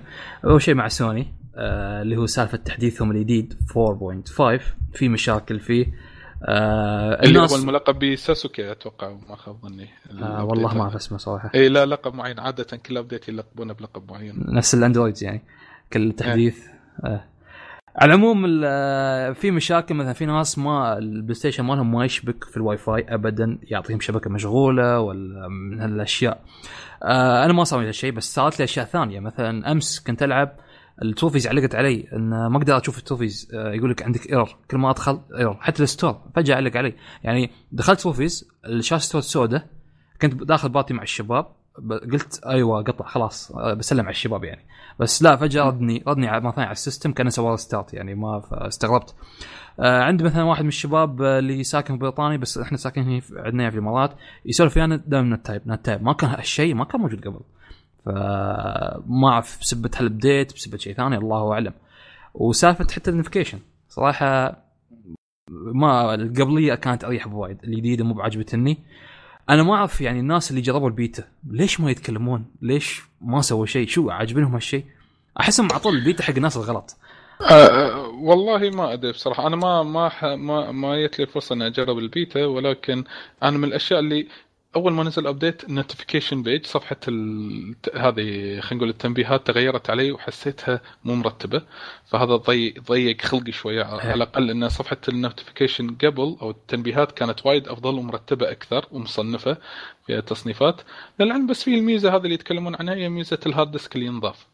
بس هذا اكبر شيء وال boost mode حق ال Pro بس. وال boost mode حق ال Pro حق الألعاب اللي ما لها تحديث خاص بال PlayStation Pro. يعني مثلا على سبيل المثال آه، مثلا لعبة The Witcher ما نزل لها تحديث آه، يد- يدعم لعبة The Witcher 3 على ال PlayStation 4 Pro على عكس مثلا Last of Us نزل لها تحديث remaster وفي ألعاب وايد ثانية نزل لها تحديث. لأن ال boost mode ال boost mode قصدي آه، راح يركز فقط على الألعاب اللي ما نزل لها تحديث على جهاز ال PlayStation 4 Pro يدعمها من ناحية ال frame rate وإذا كانت lock يحافظ على مثلا إذا ال frame rate كانت ثابتة يحافظ إن ال frame rate ما يطيح يكون ثابت أكثر الوقت. هي. فقالوا قالوا إنه بيعدلون المشاكل يعرفون يعرفون إن في شيء موجود مشاكل بس ما ما ما أعرف متى بي- بيسوون تحديث ثاني بيعدل الوضع. هو حتى معروف يعني حتى في تحديثات قديمة أذكر مثلا آه، كان بسبب تحديث تجيك مشاكل بس يحلونها بعد- بعدها بتحديث ثاني بفتره قصيرة. فبنشوف شو بيسوون. إن شاء الله الوضع يتحسن إن شاء الله. خير. إن شاء الله خير. وحتى بسبة إن آه، شو اسمه كملوا آه، استغفر الله كم سنة؟ 10 آه، والله ضيعت عدد سنين. ال store السوني كمل كم سنة؟ خل أحسبها. اذا آه، يمكن 10 سنوات 10 سنين. هي 10 أكثر سنين. عشان تقريبا فوق أكثر 10 سنين. آه، آه، 10 سنين صح صح توي تأكد. آه سووا تخفيضات آه على ال store تخفيضات حلوة صراحة لين 55% يعني ألعابهم حتى Last of Us Bloodborne هالسوالف. وبنفس الوقت طرشوا إيميل للاعبين عن إحصائياتهم. trophies عدد ساعات لعب آه شو أكثر لعبة لعبتها ومن هالسوالف. فكان شيء جميل منهم صراحة. طبعا أنا أكثر لعبة لعبتها كانت Destiny كملت 1000 ساعة يمكن 1100 ساعة. بس يا أخي لو يسون يعرفون هالسوالف ليش ما يخلون هالشيء موجود في ال system؟ أبغى أشوف الألعاب ال- كم ساعة لعبت شيء. أساسي إيه. شيء جميل إذا كان متوفر حق اللاعب أي وقت تقدر تشيكه من save data بس مو بكل الألعاب أظن إيه أتوقع ما جربت أنا الصراحه أبحث عن الموضوع فيعني شيء جميل منهم صراحة. آه شيء آه شفت الأخبار إن سوني تعاقدت مع مطورين صينيين إيه حوالي م- هذا project China آه في أكثر في وايد مشاريع 15 مشروع إيه. من أبرز الألعاب اللي خذوهم هو مو هو في هو هو واحد كوري مسوي لعبة اسمها Lost Side Lost Soul. Aside إيه. هذه اللعبة اللي قلنا أوف شنو هذه Final Fantasy Fantasy. 15 بس على منظور أفضل okay اللي خليط كأنها بين Ninja Gaiden على Final Fantasy فكان. شيء رهيب كنا نبي واحد يدعمه أن آه، شركة تتبنى نشر هذه اللعبة ولما عرض ال trailer أول مرة قبل السنة اللي فاتت كان شغال عليها سنتين. فهو انضم حق مشروع آه، مشروع الصين الخاص بشركة بلاي ستيشن وهذا فرحني بصراحة. للعلم في بعض الألعاب اللي عرضوها كانت تحس إنها ذات مستوى معقول إن الواحد إنه يلعبها آه، للعلم انهم 300 واحد دشوا في هذا المشروع وتم اختيار يمكن بس عدد معين من آه، يعني شركة سوني أو شركة بلاي ستيشن اختارت عدد معين فقط من 300 شخص أو أكثر من 300 300 شخص قدم على هذا المشروع. وفي عندهم حتى ألعاب حق ال VR ألعاب مخصصة حق. ال VR تقريبا نص الألعاب اللي أعلنوا عنها حق ال VR بعد ف... والله مشروع جميل. خلاص الحين السوق الصيني قاعد يدش بقوة خاصة إذا الناس اللي شافوا فيلم كونغ ترى اللي خاص بكينج كونغ الأخير ترى شركة صينية داشة بالموضوع هم يعني الصين داشة الحين بعمق سواء بالأفلام بالألعاب يعني راح نشوف بصمتهم إن شاء الله قريبا. حتى بالسيارات حتى. إن شاء الله. آه من الأخبار الثانية عندنا Destiny طبعا Destiny نزلوا تحديث آه الأسبوع اللي طاف. انه تقدر تلعب كل ال raidات القديمة اللي تعطيك أك... اللي هو ال light level light أعلى level light فاللي هو كلهم Crota's End Vault of Glass King's Fall فتقدر ترجع تلعبهم. بس أظن ما أدري هل بشكل أسبوعي هل في challengeات لأن أذكر أنا ما لعبت بس أذكر أن قريت انه يخلون كل أسبوع أظن raid ولا هل بس challengeات مش فاهم صراحة. والله شوف أنا Destiny بس لعبتها بأيام البداية بس فقط على أيام level 20 إذا ما خاب ظني. آه. زين بداياتها ولكن بعدها أنا قطعت اللعبة. يعني ما ما, ما حصلت أحد ألعب وياه. الشباب كلهم وقفوا. فبس أنا بانتظار الحين خلص Destiny 2 ف ولا expansion جربت. فاتك فاتك الكثير صراحة. إي أيوة والله. قالوا لي وايد ناس أنا فاتني الكثير لأن بصدق صدق ب Destiny الأولى أول بدايتها ولا شيء مقارنة بالجديد بعد إضافة اللي هو الملك الساقط على قولت سي. إيه، آه، ف لا هو Fallen King أظن. إيه. أو King أتوقع ما أدري. والله نسيت هو شيء كذي. آه، ف يعني يعني حتى أيامها حلوة يعني أنا قاعد أكثر لعبة لعبناها على السوني هي Destiny فجوها الخاص أشياء حلوة ف تدري يعني بعض الشباب يقول لي يا أخي ما أبغى تنزل Destiny 2 عشان ما ندمن. آه أوكي. فهو في تسريبات على Destiny 2 انه في نفس آه، صورة طلعت حتى شخصيات مو يعني مو لابسين اقنعه لا شخصيات باين يعني نفس بيكون شخصيات في القصة. ف واحتمال تنزل آخر السنة يعني هذه. ف... والله متحمس أنا صراحة. ديستني لعبة صراحة ممتازة وجوها الخاص مع الشباب. تكون شيء شيء ممتاز. يعني إدمان مش طبيعي. اي صحيح. عندها هي من أحد الألعاب اللي ما تقدر تهدى. لازم هي. بشكل يومي أو يوم وترك على الأقل تلعبها. عاد الملصق انت شفت الملصق اللي متجرب؟ إيه اللي من موقع إيطاليا أتوقع أو شيء كذي. شفته دستني 2 هم قالوا قبل السنة اللي فاتت قالوا إن آخر expansion راح ينزل اللي هو الأخير هذا هي. اللي نزل اللي هو Iron Feast إذا ما خاب ظني. زين وبعدين قالوا انه ب 2017 راح ننزل الإصدار الجديد لسلسلة Destiny أه بس ما قالوا إذا اسمه Destiny 2 ولا شيء كذي بس معروف إن ال Destiny الجديدة راح تنزل 2017 وبانتظار E3 خلينا نشوف عنها إن شاء الله. يمكن تكون إعلانات رهيبة فيه. إن شاء الله. خصوصا بعد السنة يبدعون في الدعايات صراحة إيه عادة. وما أدري إذا التسويق راح يظل بلاي ستيشن نفس الإصدار في يقولون في أشياء أفضلية حق البلاي ستيشن. من إشاعات. وهم على سالفة التحديثات يقولون في تحديث نزل حق Nioh. أنا من بعد ما خلصته ما ما جستها زين. فيقولون في تحديث الحين تقدر تسوي pause خلال اللعب توقف اللعب. ما أدري إذا هذا صحيح ولا لا. والله ما أدري صراحة ما ما قلت إيه، عنها. بس نزل له تحديث جديد يقول عدل وايد حط missionات جديدة مهمات جديدة وعدل آه، وايد عشر مهمات إيه. تقول؟ فحق الناس اللي يلعبون Nioh ممكن هذا يفيدهم هذه الشغلة. في في season pass بس صراحة ما أدري مو متشجع اخذه ما أعرف شو بيكون فيه. أه للحين أنا ما شريته بصراحة. إيه، معك أنا شي standby إي لكن أنا بانتظار بصراحة اللي هو آه، شو يسمونه آه، الإضافة الجديدة حق Final Fantasy 15 اللي هو الخاصة بشخصية Gladiolus أتوقع اسمه اللي راح تنزل خلال إيه Gladiolus بس متاخرين وايد صراحة وايد متاخرين. بس يقولون ان فيها شغلة وايد حلوة اللي لاعب اللعبة في شخصية معروفة في سلسلة Final اللي هي Gilgamesh راح تشوفه في هذا التحديث. وللعلم إذا ما تبون تسوون spoiler عليكم وتشوفون أي spoiler لا تطلعون ال trailer لأن يعني يعني بصراحة Square Enix صار لهم فترة حتى مع Final Fantasy 15 مع يوم الإصدار حطوا وايد أشياء مهمة باللعبة بال trailer مالهم. ما ما أعرف صاير في نهايه إيه، الشركات يعني. ما أدري ف في نهاية هذا ال trailer مال Gladiolus آه، اللي راح ينزل أتوقع يمكن نهاية الشهر إن شاء الله 28 هم من بعد إذا ما ما خاب ظني 28 3 راح تعرفون آه، شيء رئيسي باللعبة خاصة بالنهاية. فلا تطالعون ال trailer احسن لكم. أه بس كنت بقول إن يعني الفترة الأخيرة ملاحظ انه حتى مو بس حتى في الألعاب في الأفلام في ال animeات في السوالف يا أخي trailerات. ياخذون كنوع من شد الانتباه زيادة. يعني أنت تتابع Attack on Titan Attack on Titan شايفه. لا, لا تشوف دعاية الجزء الثاني. لأنها ما ما شفته للعلم انه باللعبة نفسها اللي نزلت على البلاي ستيشن 4 حارقين حارقين علينا ال season 2 ببعض الأشياء. أنا أنا أنا قريت المانجا كملت بعد اللعبة قريت المانجا وكملت بس يوم شفت الريال أخس من اللعب بوايد مراحل. يعني ما أدري أحس ما في احترام للمشاهد. يا جماعة احترموني أنا بشوف المسلسل ليش تحرقون علي؟ شوف كله؟ أنا بس أقول لك معلومة يمكن انت راح تنصدم مني. ترى أنا ما تفرق وياي السبويلرات. انت واحد من الشباب اعرفه أنا عادي يعني. دائما أنا لأن أنا ما أحب واحد يهددني يقول ترى أحرق عليك اللعبة. أقول له أحرق عادي.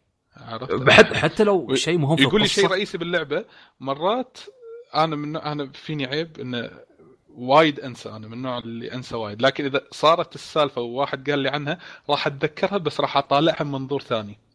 هي هالمشكلة ما تتحمس معاها يوم تشوفها أول مرة. إيه ف... فخلاص فصار عندي immune من هالشغلة هذه. فأي واحد يبي يهددني ترى ها سوي شغله ولا أحرق عليك مثل ال animation ولا أحرق عليك اللعبة ولا أحرق هي يا عمي أحرق خلاص ما وياي عرفت؟ بس لا لا, تظني وتمسكها علي عرفت؟ عاد بعد في ناس تتفنن في الحرق ما شاء الله. إيه في ناس اللي يسولف وياك سالفه عادية بعدين فجأة يقط لك مثلا شغلة عن اتاك اون تايتن ولا يقط لك شغلة عن اللي يتابعون أنمي ولا يلعبون لعبة. تدري إن فلان فلان صارت كذي؟ بنص السالفة اللي ما لها علاقة عرفت؟ على فكره هذا نوع من ال trolling يسمونه. على فكرة أنا حرقت حلقة قبل حلقتين أو ثلاث حلقات في البودكاست بس تعرف غطيناها بشكل ما أدري أحس ما حد انتبه الحمد لله. يا حبيبي. المشكلة شيء مهم يعني في أظن لعبة انشارتد كان. آه okay. وهذه آه تعرف سالفة آه، طيران طيران انه بتتجه لامريكا على العموم انه مانعين سالفة ال- الاجهزه وآيباد وما أعرف شو. والله شوف أنا سمعت بهذه الشغلة وقالوا أي طيران direct لأمريكا. يعني مثلا تطلع direct مثلا من دبي ت- تروح لأمريكا ممنوع. أو من الكويت لأمريكا مثلا ممنوع إنك تاخذ وياك هالأشياء حتى من بريطانيا. لأن يقولون عشان ناحية ال security فقط. لا غير. ولكن أنا أعرف مثلا طيران الاتحاد إن ال check in يصير من أبو ظبي إذا ما خاب ظني. يا أبو ظبي. إيه فانك كأنك دخلت أمريكا من أبو ظبي فيصير طيران داخلي فأتوقع عادي هالأمر يصير. عرفت شلون؟ فأتوقع عادي تاخذ معك لابتوب ولا هم مانعين كل شيء إلكتروني كل التليفون. أكبر هو- من التليفون.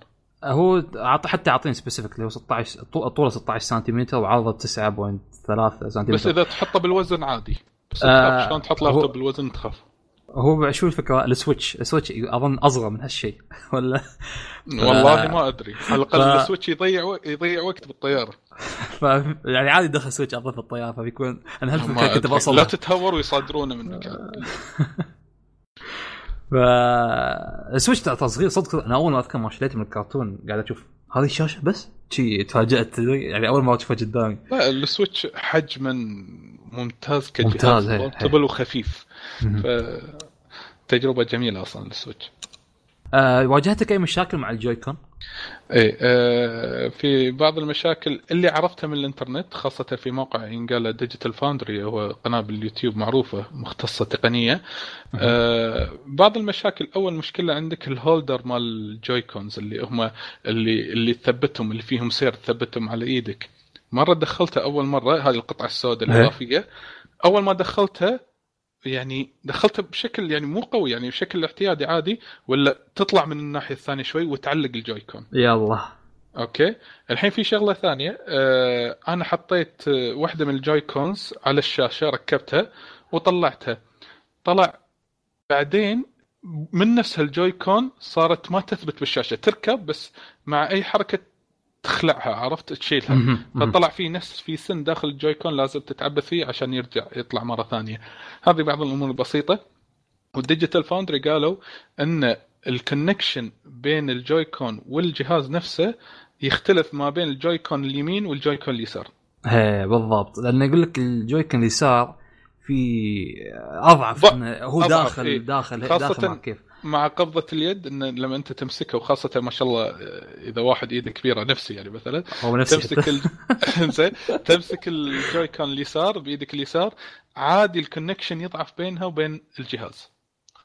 ف... وخصوصا يقول لو شيء قدامكم بعد. لو شيء قدامكم يعني, يعني. وأنا حاشتني بعد مشكلة غير ال Joy-Con انه مع أول ما شريت الجهاز إنه يقول لك آه، يطلب منك الجهاز إذا ما قدرت تشبكه بال wireless اللي عندك أو الراوتر يقول لك رجاء أبعد أي شيء ما بين ال wireless والجهاز. أنا قاعد نعم. إيش تبي يعني؟ عرفت؟ آه، ليش صدق- يعني؟ أمس ألعب Splatoon يعني ارسال حبه قاعد أقول إن شاء الله ما يفصل إن شاء الله ما يفصل. إيه، لا بس overall كتجربه وايد زينة والحمد لله ما حاشتنا لا ال blue screen ولا ال orange screen. إيه. نسبة قليلة يا أخي من الناس. النا- ما إيه أدري يعني ليش مو الناس تكبر هالشيء. مو نس... نسبة الدثرينج اللي صارت بال ال X 360 آه. ولا حتى مالت ال PlayStation 3 اللي هي ال yellow إيه. إيه يعني هي نسبة جدا. ضئيلة مقارنة بالأجهزة القديمة للعلم ترى العيوب المصنعية تطلع حتى بوايد أشياء مو بس. بالأجهزة أنا بس عندي تقريب الجويكون آه يا أخي الجويكون اللي عندي يسار في شيء ما أدري ملاحظ عليه أنه يكون مرات مو بدقيق في يعني مثلا يوم حرك لينك في قبل اليسار مو ما ما ما- تحس ما يسمع كلامك يعني أنا بلف يسار ما يلف يسار حاسس يكمل سيدة ولا يلف لورا فما أعرف هل المشكلة من الجويكون ولا والله هذه ما يعني. حاشتني واستوت لي مشكلة. غريبة في السويتش نفسه. أسمع قاعد أسمع صوت. أنا قد حسبت يعني من اللعبة. لا بس في صوت قاعد يطلع يعني إنهم حاطينه في ال- ال- ال dock. طلع الصوت آه. إنه هو هو في ال dock حتى. وحسيت في حرارة فيه. وخاصة آه،. الحراره الحراره دوم تكون على الصوب اليمين ما أعرف ليش. فشليته ورجعت عادي صوت صح فاستغربت يعني قلت يمكن في شيء ولا. بس ما ما رجع لي مرة ثانية. بس ربيعي نفس الشيء قال نفس الكلام استوت الحركه آه، Okay. Okay. لا الحمد لله أنا للحين الأمور آه، مستقرة إلى حد الآن مع النينتندو سويتش ومعداته. فالحمد لله ما صار شيء. ولا حاشتني سالفة ال- التزلق أو الخدوش اللي على الشاشة من هذه ابدا. سالفة ال docking station. للعلم إن في بعض الشركات يقول لك رب ضارة نافعة. في بعض الشركات استرزقت من هالسالفة سوت نفس قطع خام تتركب على ال docking عشان يقلل من الخدوش اللي تصير حق الشاشة. آه آه في في سالفة حتى لاحظت لو حتى في أخبار تقول إن ألعاب ال- ال indies والألعاب البسيطة هذه حتى من ألعاب تلتيلز تجيك على السويتش ب 10 دولار زيادة عن السعر الموجود في أماكن ثانية. يعني مثلا حتى أيام ست سنه أظن أغلب 10 دولار زيادة. يعني ظني. آه، store ال eShop من زمان عند الألعاب البسيطة غالية. غريب يعني من أيام ال Wii U من أيام ال Wii هم تسعيرتهم شوي أغلى. خاصة يعني مثلا في عندك ألعاب نفس King Fighter 94 97 موجودين على 8 دولار. يعني وايد 8 دولار على لعبة قديمة كذي عرفت؟ فممكن الخمسة ممكن ألعبها. صدق هي ما فرقت على دولارين كأنها 600 فلس عندنا بعملتنا المحلية. زين ولكن آه، يعني شيء يعني نفس ما تقول شنو هذا؟ ليش يعني؟ ليش الاستغلال؟ عرفت شلون؟ فنتندو يعني يعني يعبدون الفلس عبادة مو طبيعية عرفت؟ يعني يحاولون يستغلون أي ثغرة علشان يقدرون يأخذون من الفلوس سواء بطريقة عادية بسيطة أو بطريقة معقدة. يعني مثلا آه، لعبة Minecraft حتى نفس الشيء؟ آه، بتي بزياده آه، لا مو Minecraft لعبة رم ذكرت. قلت الخبر. أن الزيادة 10 دولار ليش؟ بسبب تكلفة التصنيع والتسويق. Okay ما يعني ما عرفت هالدرجه يعني فرق في في في. بعضهم يقولون إنه بسبة ال- حتى لو كان كارتج يعني بسبة ال- هذا الطعم اللاذع الموجود في هذا فيزيدون التكلفه ما في أشياء يعني ما أحس مو منطقي وايد. يا عمي أخذ أي كاترج حط عليه مثلا أي طعم خايس عزكم الله وخلاص. ما فرقت يعني. بس هي فكرة ترى حلوة ترى. هي حق لي هذا يعني. من نتندو حق لي هالف يعني فكرة مبدعة الصراحة من نتندو. للعلم جربت أنت ولا لا؟ لا لا. ما أنا جربتها صراحة. بصراحة. جربت كيف؟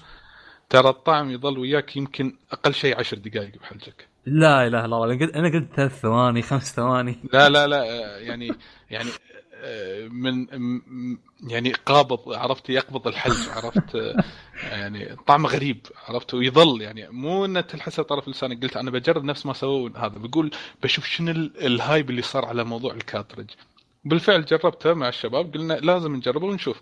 جربته بالفعل ولا طعمه لا هو مرورة ولا ما أدري طعم معدن ما ما يعني طعمه فيه شيء غريب. جرب طعم جرب. دم؟ طعم دم؟ لا ولا دم ولا شيء. طعم طعمه غريب يظل بالحلج لا وينتشر بالحلج شوي شوي عرفت؟ أنا شكلي يعني- قبل ما أكله بج... أو طعمه باخذ شيء على يميني عصير. شيء. ما جربت أشرب وراه شيء على طول direct بس على الأقل بشوف هذا الهبة اللي صارت عليه بالفعل طعمه خايس بس حركة زينة حق اليهال الصغار لأن ال cartridge حيل صغير فممكن إنه ينبلع بأي طريقة لكن إذا حس الطعم خايس الياهل ممكن يطلع عزكم الله من حلجه ويفتك منه. آه من الأخبار الثانية آه شفت اشاعات عن لعبة آه Assassin's Creed جديده اللي بتكون في مصر؟ المطور قال ان كله كذب صورة مسابقه حقيقية. وما يعني ما حتى ما صلح بشيء ثاني. بس بس تم في الخبر يقارن نفسه مع ألعاب مثلا Zelda و Horizon وكذا إنه قبل كيف كان يعني بدأت Assassin's Creed من متى؟ أيام Uncharted 2 Assassin's Creed 2 مع Mass Effect و Uncharted وكذا. فيقول إنه لو تقارن عالم مفتوح مع عالم ثاني يعني في في فروق يعني هو ما قاعد يقارن. مثلا شوف Uncharted عالم آه خطي ما يخصه. مثلا Mass Effect وكذا يقارن بينهم انه كيف كانت السلسلة قبل وكيف بتستوحين.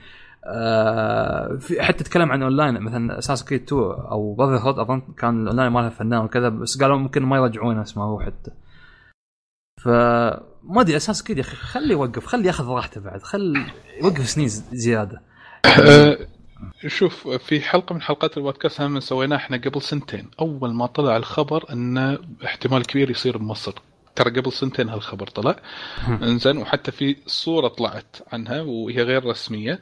فأنا أشوف انه كان من المفروض في ذاك الوقت انه Assassin's Creed تاخذ break وتشتغل. لا تصير نفس Call of Duty ولا تصير نفس الألعاب الثانية اللي يحاولون انه آه، المصطلح الحين المشهور انه يحلبون السلسلة أكثر. Okay؟ فعلشان إن السلسلة ترجع لها قيمتها ومنها المطورين يشتغلون صح على اللعبة. لا يستعجلون لأن الاستعجال هذا ممكن يطلع منه glitchات ممكن يطلع منه bugات ممكن القصة تصير أفضل. نفس ما شفنا ب Unity Unity كانت مأساة اللي بفرنسا للعلم إن الحبكه الفرنسية حلوة. Syndicate كانت أفضل. Syndicate اللي هي اللي كانت في العصر الفيكتوري مال بريطانيا. فاللعب كان أمتع اللعبة كانت ممتعة overall Ezio اللي بالثاني كانت سلسلة ادزيو وايد وايد رهيبة. ف السلسلة على الاقل على الأقل حتى قبل سنتين قلناها خل تنزل كل سنتين مرة. يعني سنة تنزل السنة اللي وراها لا السنة اللي بعدها تنزل على الأقل فترة سنتين كافية إن المطور يشتغل على لعبة صح. فأنا متوقع انه راح يصير في إعلان عن اساسن كريد هالسنة. لازم يعلنون سواء تنزل هالسنة ولا السنة الجاية لأن إذا طخوا عنها شوي كان السلسله شوي وتموت. بس المعروف انه هم صح طلع إن أحد المسؤولين إنه قال ما لها علاقة بمصر. للعلم أنا أحس إن الجو المصري وايد حلو راح يصير عليها. بس أنا أفضل الجو الياباني. معك. وللعلم إحنا إحنا وايد شفنا ألعاب عن الجو الياباني. أوكي عن الحضارة اليابانية وهذا. منها يعني يعني العناصر أو الشخصيات اليابانية مثلا هاتوري هانزو نوبوناغا وغيرهم من هذه الأمور هذه الشخصيات شفناها بأكثر من لعبة لكن مصر ما حد عطى اعتبار. إنزين روسيا الجزء مال روسيا وايد حلو حطوه حرام كلعبة فيتا ولعبة store. وايد حلو الهند أنا أشوفها وايد ممتازة بس حرام حطوها كلعبة جانبية من ألعاب Assassin's Creed فأتمنى إنه يكون بمصر. وللعلم في بعض المطورين يعني ما شاء الله ما شاء الله في وايد ناس من ال communities إذا يحبون سلسلة معينة يتابعون ويحللون عنها ويسوون عنها فيديوهات. فممكن هذول الناس اللي صادوا إنها مثلا مصر يقولون مثلا 50% إنها تكون بمصر عادي يطلع واحد من الاستوديو وينكر هذا الشغلة علشان يظل الهاي مال اللعبة مستمر. عادي. إنزين بس ممكن إن كلامه يطلع صحيح. آه علشان شنو يظل إن الناس تتكلم عن شنو Assassin's Creed الجديدة؟ شنو هي؟ هل هي للحين مصر؟ لا إنكروا إنه مصر. هل هي يابان ولا شيء ثاني؟ ويصدمنا يمكن بالنهاية إنها تطلع من مصر. عرفت شلون؟ آه صارت أتوقع في لعبة من الألعاب مع شخصية من الشخصيات خاصة شخصية Sombra اللي صارت في Overwatch إنزين ومع شخصية Doomfist اللي قالوا بدل لا تنزل Orisa قالوا لا هي مو مو ب Doomfist مو ب Doomfist إنزين فممكن هذه الشغلة ان تزيد ال hype وصدق وطلع كلامه إنه مو Doomfist لكن Sombra في ناس صادوها إنها Sombra. وطلع واحد اللي هو كيل... كيلم أتوقع اسمه كيلن اللي هو المخ... أحد اللعبة. المنتجين هذه إيه أنكر ان هي Sombra ولكن بعد فترة طلعت Sombra في event BlizzCon Okay. علشان ال hype يظل عايش فما تدري. يمكن تظل للحين نفسها مصر ممكن غير. بس ولكن أنت إيش رأيك؟ أنت شنو ودك؟ والله أنا أنا مع اليابان. مثلا لو سووا اليابان لأن أحب الحضارة اليابانية ومن هالسوالف أحسه بيضبط حتى. مثلا لو خلوه نينجا ولا samurai من هالاشياء يعني. اي لا آه، يعني ومص- ك ninja Assassin's Creed أحسه ممتاز. هي. يكون كنينجا. يعني خصوصا حتى شفنا في أساس كريد 4 كيف تموا على القراصنة وكان ضابط الدور ضابط الشيء. فاحس لو يبون أشياء جديدة غير مثلا تشوف عن سندكيت يونيتي تحسهم كلهم نفس الشيء. آه، يعني نفس اللي كان في ادزيو خلاص هو مباني عندك تستلقها وكذا. لا يبوا شيء جديد يبوا طابع آه، يستغلها. آه، يستغل يعني يست... اللعبة تستغل الطابع الموجود. فبتكون أحلى أجمل فيها أشياء تستانس عليها تدمنها مثلا. والله شوف في بعد حضارتين ممكن يفيدونها آه، يفيدونا فيها. مثل الحضارات الأفريقية وايد كثيرة. ممكن حضارة الكونغو اللي ص- آه، القديمة اللي صايرة حتى لو تلعب ألعاب Civilization فيها تنوع حضارات. فممكن واحدة من الحضارات اللي ذاكرينها في لعبة Civilization تنفع حق Assassin's Creed يعني مثلا عندك حضارة الازتك حضارة آه، الكونغو وغيرها من هذه الحضارات تنفع خاصة إذا كان البطل أسمر يكون أول. بطل أسمر في اللعبة في السلسلة فيكون شيء جميل أنا أتوقع يمكن إذا مو مصر ما أتوقع راح يروحوا اليابان لأن اليابان أحس إنه نفس ما قلت لك آه، تشبع. وايد شفنا حضارة يابانية في. وايد ألعاب فهم أتوقع يحاولون يشطون ويروحون حق شيء ثاني إن شاء الله إن شاء الله إن شاء الله نشوف شيء على الأقل يسعدنا يرضي أهم شيء يرضي عشاق السلسله. آه في حتى تسريبات ثانية عن Call of Duty الجديدة اللي هي بتكون آه في الحرب تسريبات العالمية الثانية. الحرب العالمية World World War 2 World War 2 آه في صورة شي متسربة حتى مكتوب Call of Duty WW 2 من آه هو طبعا من تطوير آه Sledgehammer ف اللي مسوين Advanced Warfare إذا ما خاب ظني. آه والله أنا ضعت في السلسلة على آخر أجزاء صراحة. أنا أنا نهايتي Advanced على Black Ops 2 أظن. فما ما أعرف يعني ما أعرف هل Call of Duty بترجع اسمها إيه أنا الحين قاعد Call of Duty بسبب نظام ال host والسوالف صراحة عشان جي مبتعد عنها. آه آه، متى okay. بيتمون هالشيء ما أعرف. يعني تشمئز يعني تدخل مع مثلا ناس أوروبيين هو ذابحنك من ثانيتين انك تو تطلق عليه مثلا يعني. ولا نظام ال host خلاص ما حد يقدر يذبحها فعشان جي مثلا ما أشتريها. قصه أنا ما أدري عن نفسي ألعاب ال shooter ما أشتريها عشان قصة. Battlefield الحين ما لعبت القصة. آه، اجزاء Call of Duty عندي كلها يمكن الحين ما لعبت قصة. الا لعبت يمكن بس Black Ops 1 و Modern 2 بس. ف همي الأونلاين في اللعبة.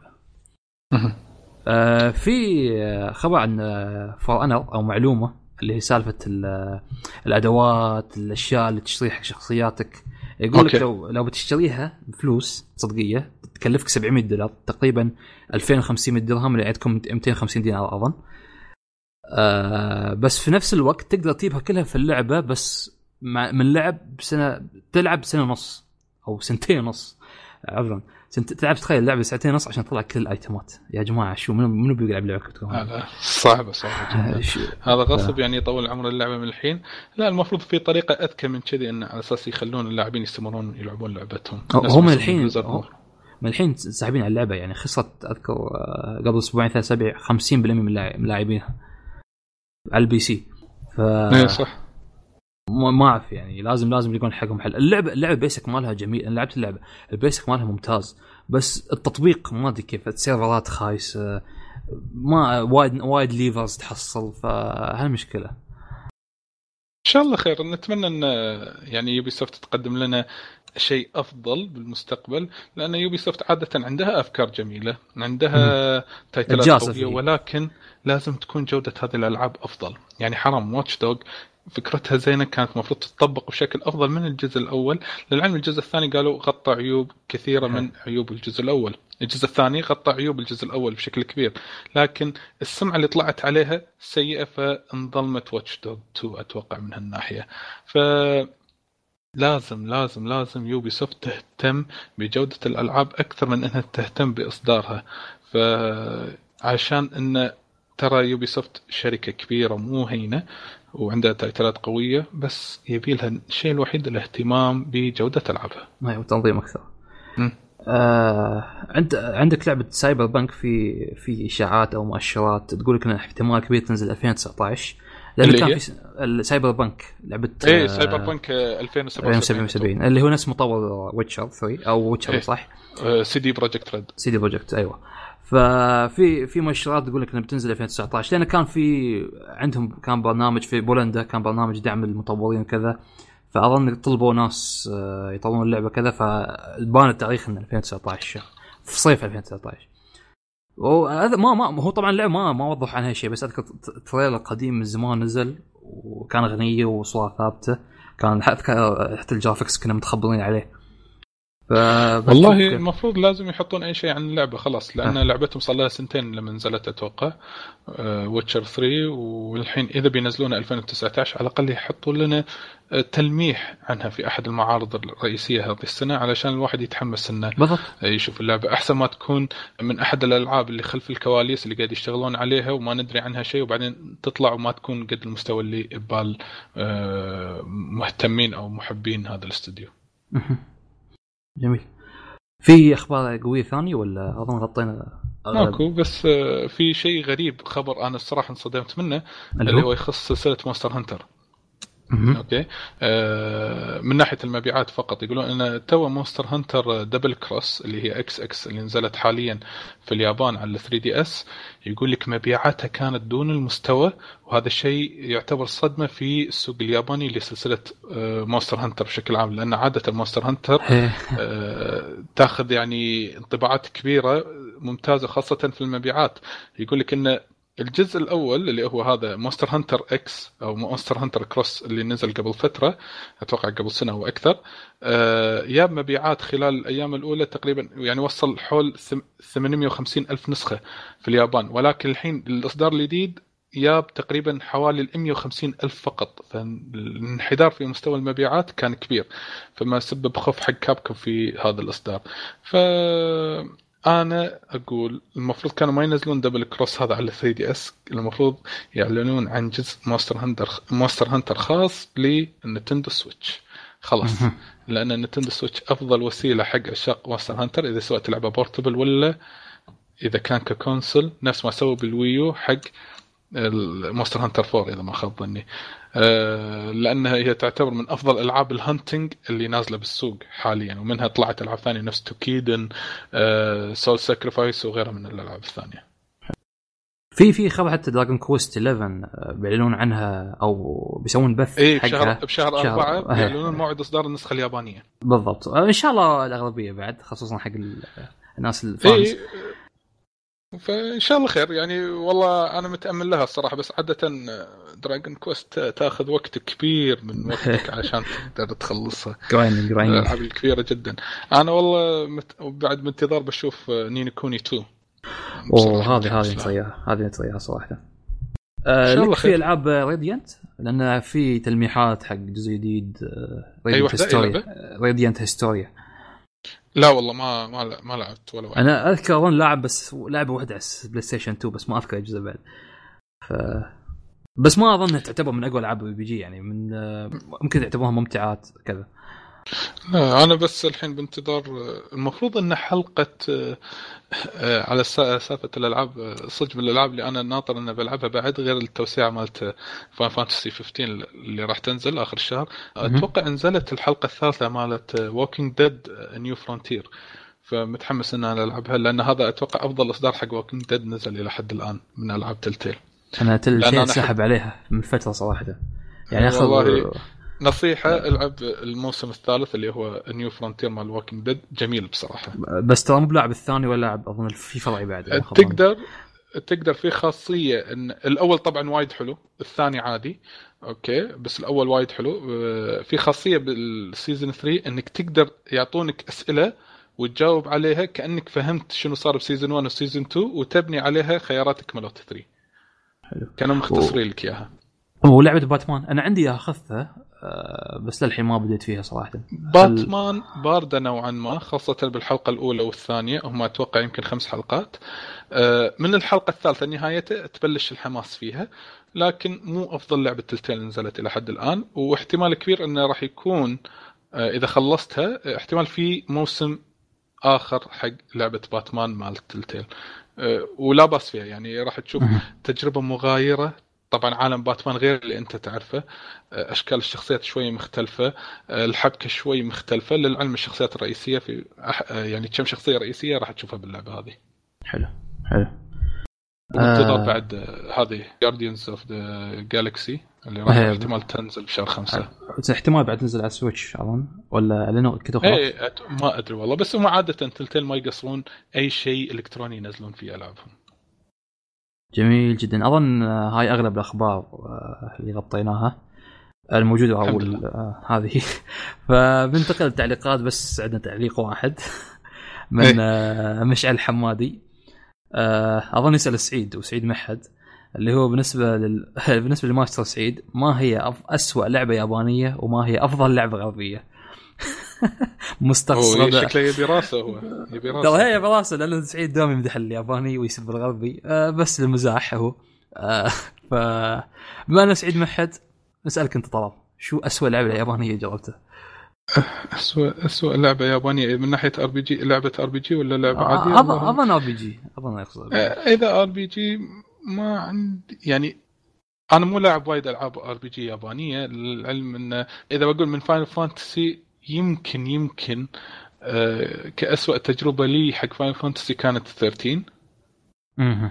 13 أوكي ولكن في ألعاب ثانية اللي من سلسلة Tales أنا ما أحبها وما يعني بس يعني ما ما أدري إيش أقول لك هي مو سيئة بس أنا ما ما ما رضيت فيها عرفت؟ اللي هي قبل في Berseria في حلو. في واحد ما يمدحونه اللي قبل Berseria شو كان اسمها Xillia أظن؟ آه، ب- Berseria اللي هي نزلت آه، توها بداية آه. شهر واحد النسخة الأمريكية. في في واحدة قبلها. حلوة. في واحدة في قبلها. واحدة اللي هي Zestiria. ز- آه Zesti Zestiria وفي ما يمدحونها اللي هي أبد. Tales Tales of Xillia الأول والثاني اللي كان قوتها الوقت وهذه. فما عندي شيء معين ياباني إن أقدر أقول عنه سيء ولكن في ألعاب أمريكية western يعني مثلا Witcher 3 وايد قوية في ألعاب ثانية. في ناس يحبون Skyrim و Fallout ولكن أنا مو من عشاق Fallout للأسف حاولت أبلعها بس ما قدرت أبلعها. إنزين. و Skyrim؟ حاولت إني أبلعها أوكي؟ ولكن ما قدرت أدش ال mood مالها. يعني أنا في عندي مشكلة في ألعاب ال RPG الغربية. وسوينا عليها موضوع حلقة اللي هي ال RPG الياباني مع ال RPG الغربي وطلعنا عيوب وميزات كل واحدة فيهم. ال RPG الياباني أنا أو أنا كطلال مثلا أنا أحب إن الراوي أو اللي يسرد لي القصة يبين لي الشخصية نفسها هي شنو عبارة عن شنو هو يكون لي الشخصية يوصل لي رسالته. على عكس ال RPG الغربي. ال RPG. الغربي شخصية مو رئيسية الشخصيه تعتمد عليك أنت شخصيتك أنت. وأنا ما أعرف أنا ما أبي شخصيتي تكون داخل اللعبة. لأنها مثلا خلينا نقول أنا مثلا أنا إنسان همجي راح أخلي شخصيتي همجية. فأنا عارف نفسي أنا شنو. آه، عرفت؟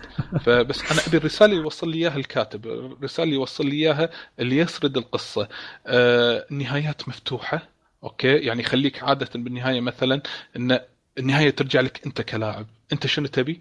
حط عرفت؟ اختار. النهايه اللي تعجبك. على عكس مثلا Final Fantasy على عكس مثلا ألعاب آه، ألعاب ال RPG الثانية اليابانية اللي هو يعطيك بداية نص نهاية. هذه هي قصتي بشكل عام في هذه اللعبة. تعجبك ولا ما تعجبك شيء راجع حق اللاعب. فأنا أحب الكاتب هو يوصل لي مو الكاتب اللي يقول لي أنت نقل اللي تبيه وخلاص وأنت اختار اللي أنت يعجبك. لأن أنا راح أختار الشيء اللي يعجبني وأقول عن اللعبة حلوة. لكن على عكس لما إن الكاتب يسرد لي شيء معين وذيك الساعة يكون لي القرار إذا يعجبني ولا لا. فأنا أحترم الشيء الياباني من ناحية سرد القصة فقط. ولكن من ميكانيكية اللعب في بعض الناس يحبون ال style الغربي. للعلم Witcher 3 ترى style ميكانيكية اللعب وايد حلو ممتاز. على عكس مثلا Skyrim. أحس Skyrim. أنا بدائي احسه بدائي حرام يعني عرفت؟ للعلم إن أحس ثيم اللعبة وايد قوي. dragons وفرسان وغيره من هذه الأمور. وفي أشياء حلوة أن شيء الحرية اللي يعطونك حتى. مكان مكان ثاني. ولكن أنا ما قدرت أتقبله. شريت ال ultimate edition اللي هو النسخة خلينا نقول المحسنة على ال PlayStation 4 والله شغلته من البداية ما قدرت أتأقلم. لأن مثلا أنا ما أحب ألعب first person RPG مثلا على سبيل المثال. أبي أخليها third person third person تحسه بدائي كأنها لعبة PlayStation 2 مع احترام الناس اللي يلعبونها إنزين أو يحبونها. أه لا أقصد الإساءة ولكن لأن في هذه الفترة أشوف أشياء أفضل بال RPG من ناحية اللعب أو من ناحية خلينا نقول ال visual المنظر العام. أوكي؟ ك Witcher 3 Witcher 3 ما انتقدتها للعلم. هي وسترن آر بي جي آر بي جي غربي ولكن قاعد تقدم لنا آه، رسم ممتاز آه، ديناميكية باللعب آه، ال graphics جميل ال physics أفضل. فعشان كذي أنا تقبلته أكثر من Skyrim ولا أكثر من Fallout حتى حتى Fallout أنا ما حبيت Fallout تقليد يعني مو بتقليد يعني نفس الطابع نفس ال template بس مسدسات كذا. إيه. شوف أنا من Fallout الأولى والثانية أتوقع ما لهم شغل بال style اللي إحنا نعرفه حاليا. كانت ستايلها تصويرها نفس Diablo ألعاب ال PC آه. القديمة. أوكي؟ كانت لعبة استراتيجية أكثر ما هي لعبة action RPG. آه بس شو اسمه مثلا تشوف Skyrim أنا أنا من محبين Skyrim لعبته واستانست بس أقدر أتفهم آه نقاطك أنت صراحة يعني أوكي أقبلها. أنت فاهم عليك اشكال هالاشياء طيب للعلم أنا ما أنا مو متحيز للياباني ولا متحيز للغربي لكن أنا قاعد أمشي بمبدا المنطق فقط لأن في فترة اللي نزلت فيها Skyrim كنت أشوف ألعاب أجمل منها. أجمل مو من أن أحلى أمتع لا كانت أجمل كمنظور. أوكي؟ فأيام PlayStation 3 كنا نشوف يعني Mass Effect أنا ما أحب اللعبة ولكن Mass Effect كانت تحترم في وقتها. Mass Effect كانت مستوى في ال motion بال physics بال graphics أه حتى حرية الاختيارات فيها حلوة. أوكي؟ ولكن ما ما أدري. أنا والله العظيم إن أنا كل حتى عندنا متابعين بالبودكاست ما يقول لي طلال جرب Skyrim. كل ما أحاول اجربها مو قادر أتقبلها. حتى مرات أدوس على نفسي أحاول ألعبها. أوكي زين الفكرة حلوة في swords في magic بس طريقة عرض اللعبة ما عجبتني. اظن أظن وايد وايد ناس هاي مشكلتهم. يعني حتى حتى إيه؟ وايد من الشباب مدحنا حقنا مدحنا Skyrim حقه وايد فتحمس وخذاها والله إيه؟ إنه ما ما كمل. قال والله ما العبها خايسة. ما أقدر ما ما يقدر. هي يعني خلينا نقول هي وفول أوت تعتبر من الألعاب يعني ما شاء الله لها شعبية كبيرة هالألعاب هذه ولكن لها جمهورها. الذوق. يعني عرفت؟ لكن أنا ما أقدر أنكر إن هي حققت نجاحات. هي قدمت شيء مثلا مميز آه، قدمت أفكار ولكن هي مو بجوي فما أقدر اغصب نفسي عليها. حلو. بالضبط. آه ما أظن هاي بس هذه هذه كل التعليقات ما في تعليقات زيادة. آه يعطيكم بس بس لو لو بجاوب عن سعيد أفضل لعبة غربيه بتكون Horizon غصبا عنه. Horizon جميلة جميلة. واسوء مفهوم. يعني عطت درس حق كل الناس اللي يقدمون ألعاب open world لعبة فنية. لعبة فنية من ناحية المنظر الشكل. يعني مستوى graphics اللهم عندي بعض النقاط السلبية عليها. مثلا ما في motion capture حق ال lip syncing اللي هو حركة الشفات مع الكلام. يعني تخيل تشوف صورة جميلة ولكن حركة الشفايف مو لايقة مع الكلام. صح. كأنها نقطة سوداء صايرة بالموضوع ولكن overall لعبة حلوة. ما عدا بال melee السوالف الضرب بال melee إنه باليد كان سيء نوعا ما. والأعداء. البشريين بعد. اي والذكاء البشري كان سيء ولكن overall كتجربة عامة كانت جميلة و open world يعني من أجمل ألعاب ال open world جرافيكيا ممكن تشوفها. يعني مستحيل أقول لك لا تلعبها. لا ألعبها. أنا لازم. هي. تلعب لازم تلعب هي. بالضبط. ف... أيوه أنت قلت هذا أفضل RPG غربي ولكن اسوء RPG ياباني؟ آه لا لا أتكلم بس أنا قاعد بس أجيب طاري سعيد استهبالا بس. آه okay. لأنه لأنه قبل يعني قبل كان يستهبل على Horizon هو يستهبل مزحا. فأنا بس شي أستهبل عليه بعد. ف...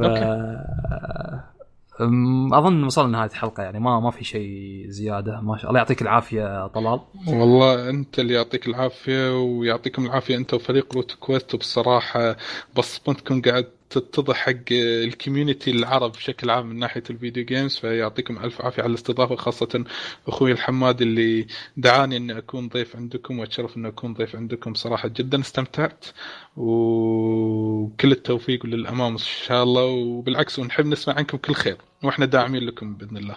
والله كان الشرف لنا إنك موجود في الحلقة ويعطيك ألف ألف عافية صراحة. است... مستانس الناس اسجل معك نقاش جميل جدا. وأنا بعد يعني. آه طبعا آه، بنحصلك بتويتر آت آه، طلال underscore السعيدي. السعيدي. أيوه هو T A L A L underscore A L S A double E D I تحصلوني بأي social media سواء سناب شات تويتر انستغرام حتى فيسبوك كلها نفس الاسم. وحتى قناتهم على اليوتيوب Extrava Gaming ما شاء الله مواضيع جميلة بودكاست أشياء مختلفة. الحمد لله. وغير حتى على الإنستغرام يعني ما شاء الله حابين هبة. إيه ف... الحمد لله. كله. يعني اللي بيتابع أعمال فريقنا كلها تحت اسم Extrava Gaming هو الاسم شوي معقد ولكن آه، يعني نفس ما تقول مميز نوعا ما. هو مو extra هو Extrava جاية من كلمة extravaganza معناتها revolution في ال entertainment آه أنا كنت بس توي كنت جاي أسألك شو يعني Extrava بالأصل. إيه هي جاية من كلمتين gaming وكلمة extravaganza extravaganza بالمعجم تحصلها هي revolution in entertainment يعني ثورة في الترفيه. فدمجنا هالكلمتين فصارت Extrava Gaming هي كلمة واحدة وليس كلمتين. فكلها تحت اسم Extrava Gaming E X T R A V A Gaming بأي مكان تحصلونه بال social media بس أكثر شيء إحنا active في انستغرام وسناب شات وتويتر واليوتيوب. وما شاء الله يعني فريق يعني أنا متابعكم على الإنستغرام والسناب شات ما شاء الله الفريق دوم يقدم أخبار وأشياء ومراجعات unboxing فما شاء الله عليكم أنتم من بعد بعد ما تقصرون ويا متابعينكم بعد. فيعطيكم العافية عليه. آه حبيت أنوه بعد. آه لا تنسون آه أو مو لا تنسون حتى عندنا أصلا عندنا إحنا ستاب في آه إنستغرام آه بإشراف محمد الحمادي. آه يحطي فيه تو بادين فيه يعني فسووا له فلو هناك. وحسابنا في تويتر يعطيه العافية غانم الشامسي. ماسك إنه يحط إخبار أول بأول. آه طبعا بتنزل في آخر أخبار أخبارنا التحقيقات التقييمات. أوه نسيت. آه في نزلنا آخر هالاسبوع نزلنا تقييم زلدة بكتابة محمد الحمادي. خلص اللعبة هو أول واحد خلص في التيم. فكتبها وأعطاها تقييم خرافية هي أعلى درجة عندنا واللعبة تستاهل صراحة. تستاهل. فلا تنسون تشيكون آه، المراجعة الموقع وحتى عند المراجعات الثانية وشاركونا كومنتات وأي شيء. فيعطيك العافية طلال. الله يعافيك وبالتوفيق منها لأعلى إن شاء الله. وتحياتي لكل أعضاء فريق روت كويست فردا فردا كلهم يسلمون عليك حاليا. أوصلهم افضل الله يسلمك. ويعطيك العافية عزيزي المستمع. لا تنسى تتواصل معنا على روت كويست في تويتر أو على إيميلنا info dot net تشيكوا على آخر ابديتاتنا في الانستغرام في التويتر وأعطونا آرائكم. نلقاكم في الحلقة 140 إن شاء الله وإلى اللقاء.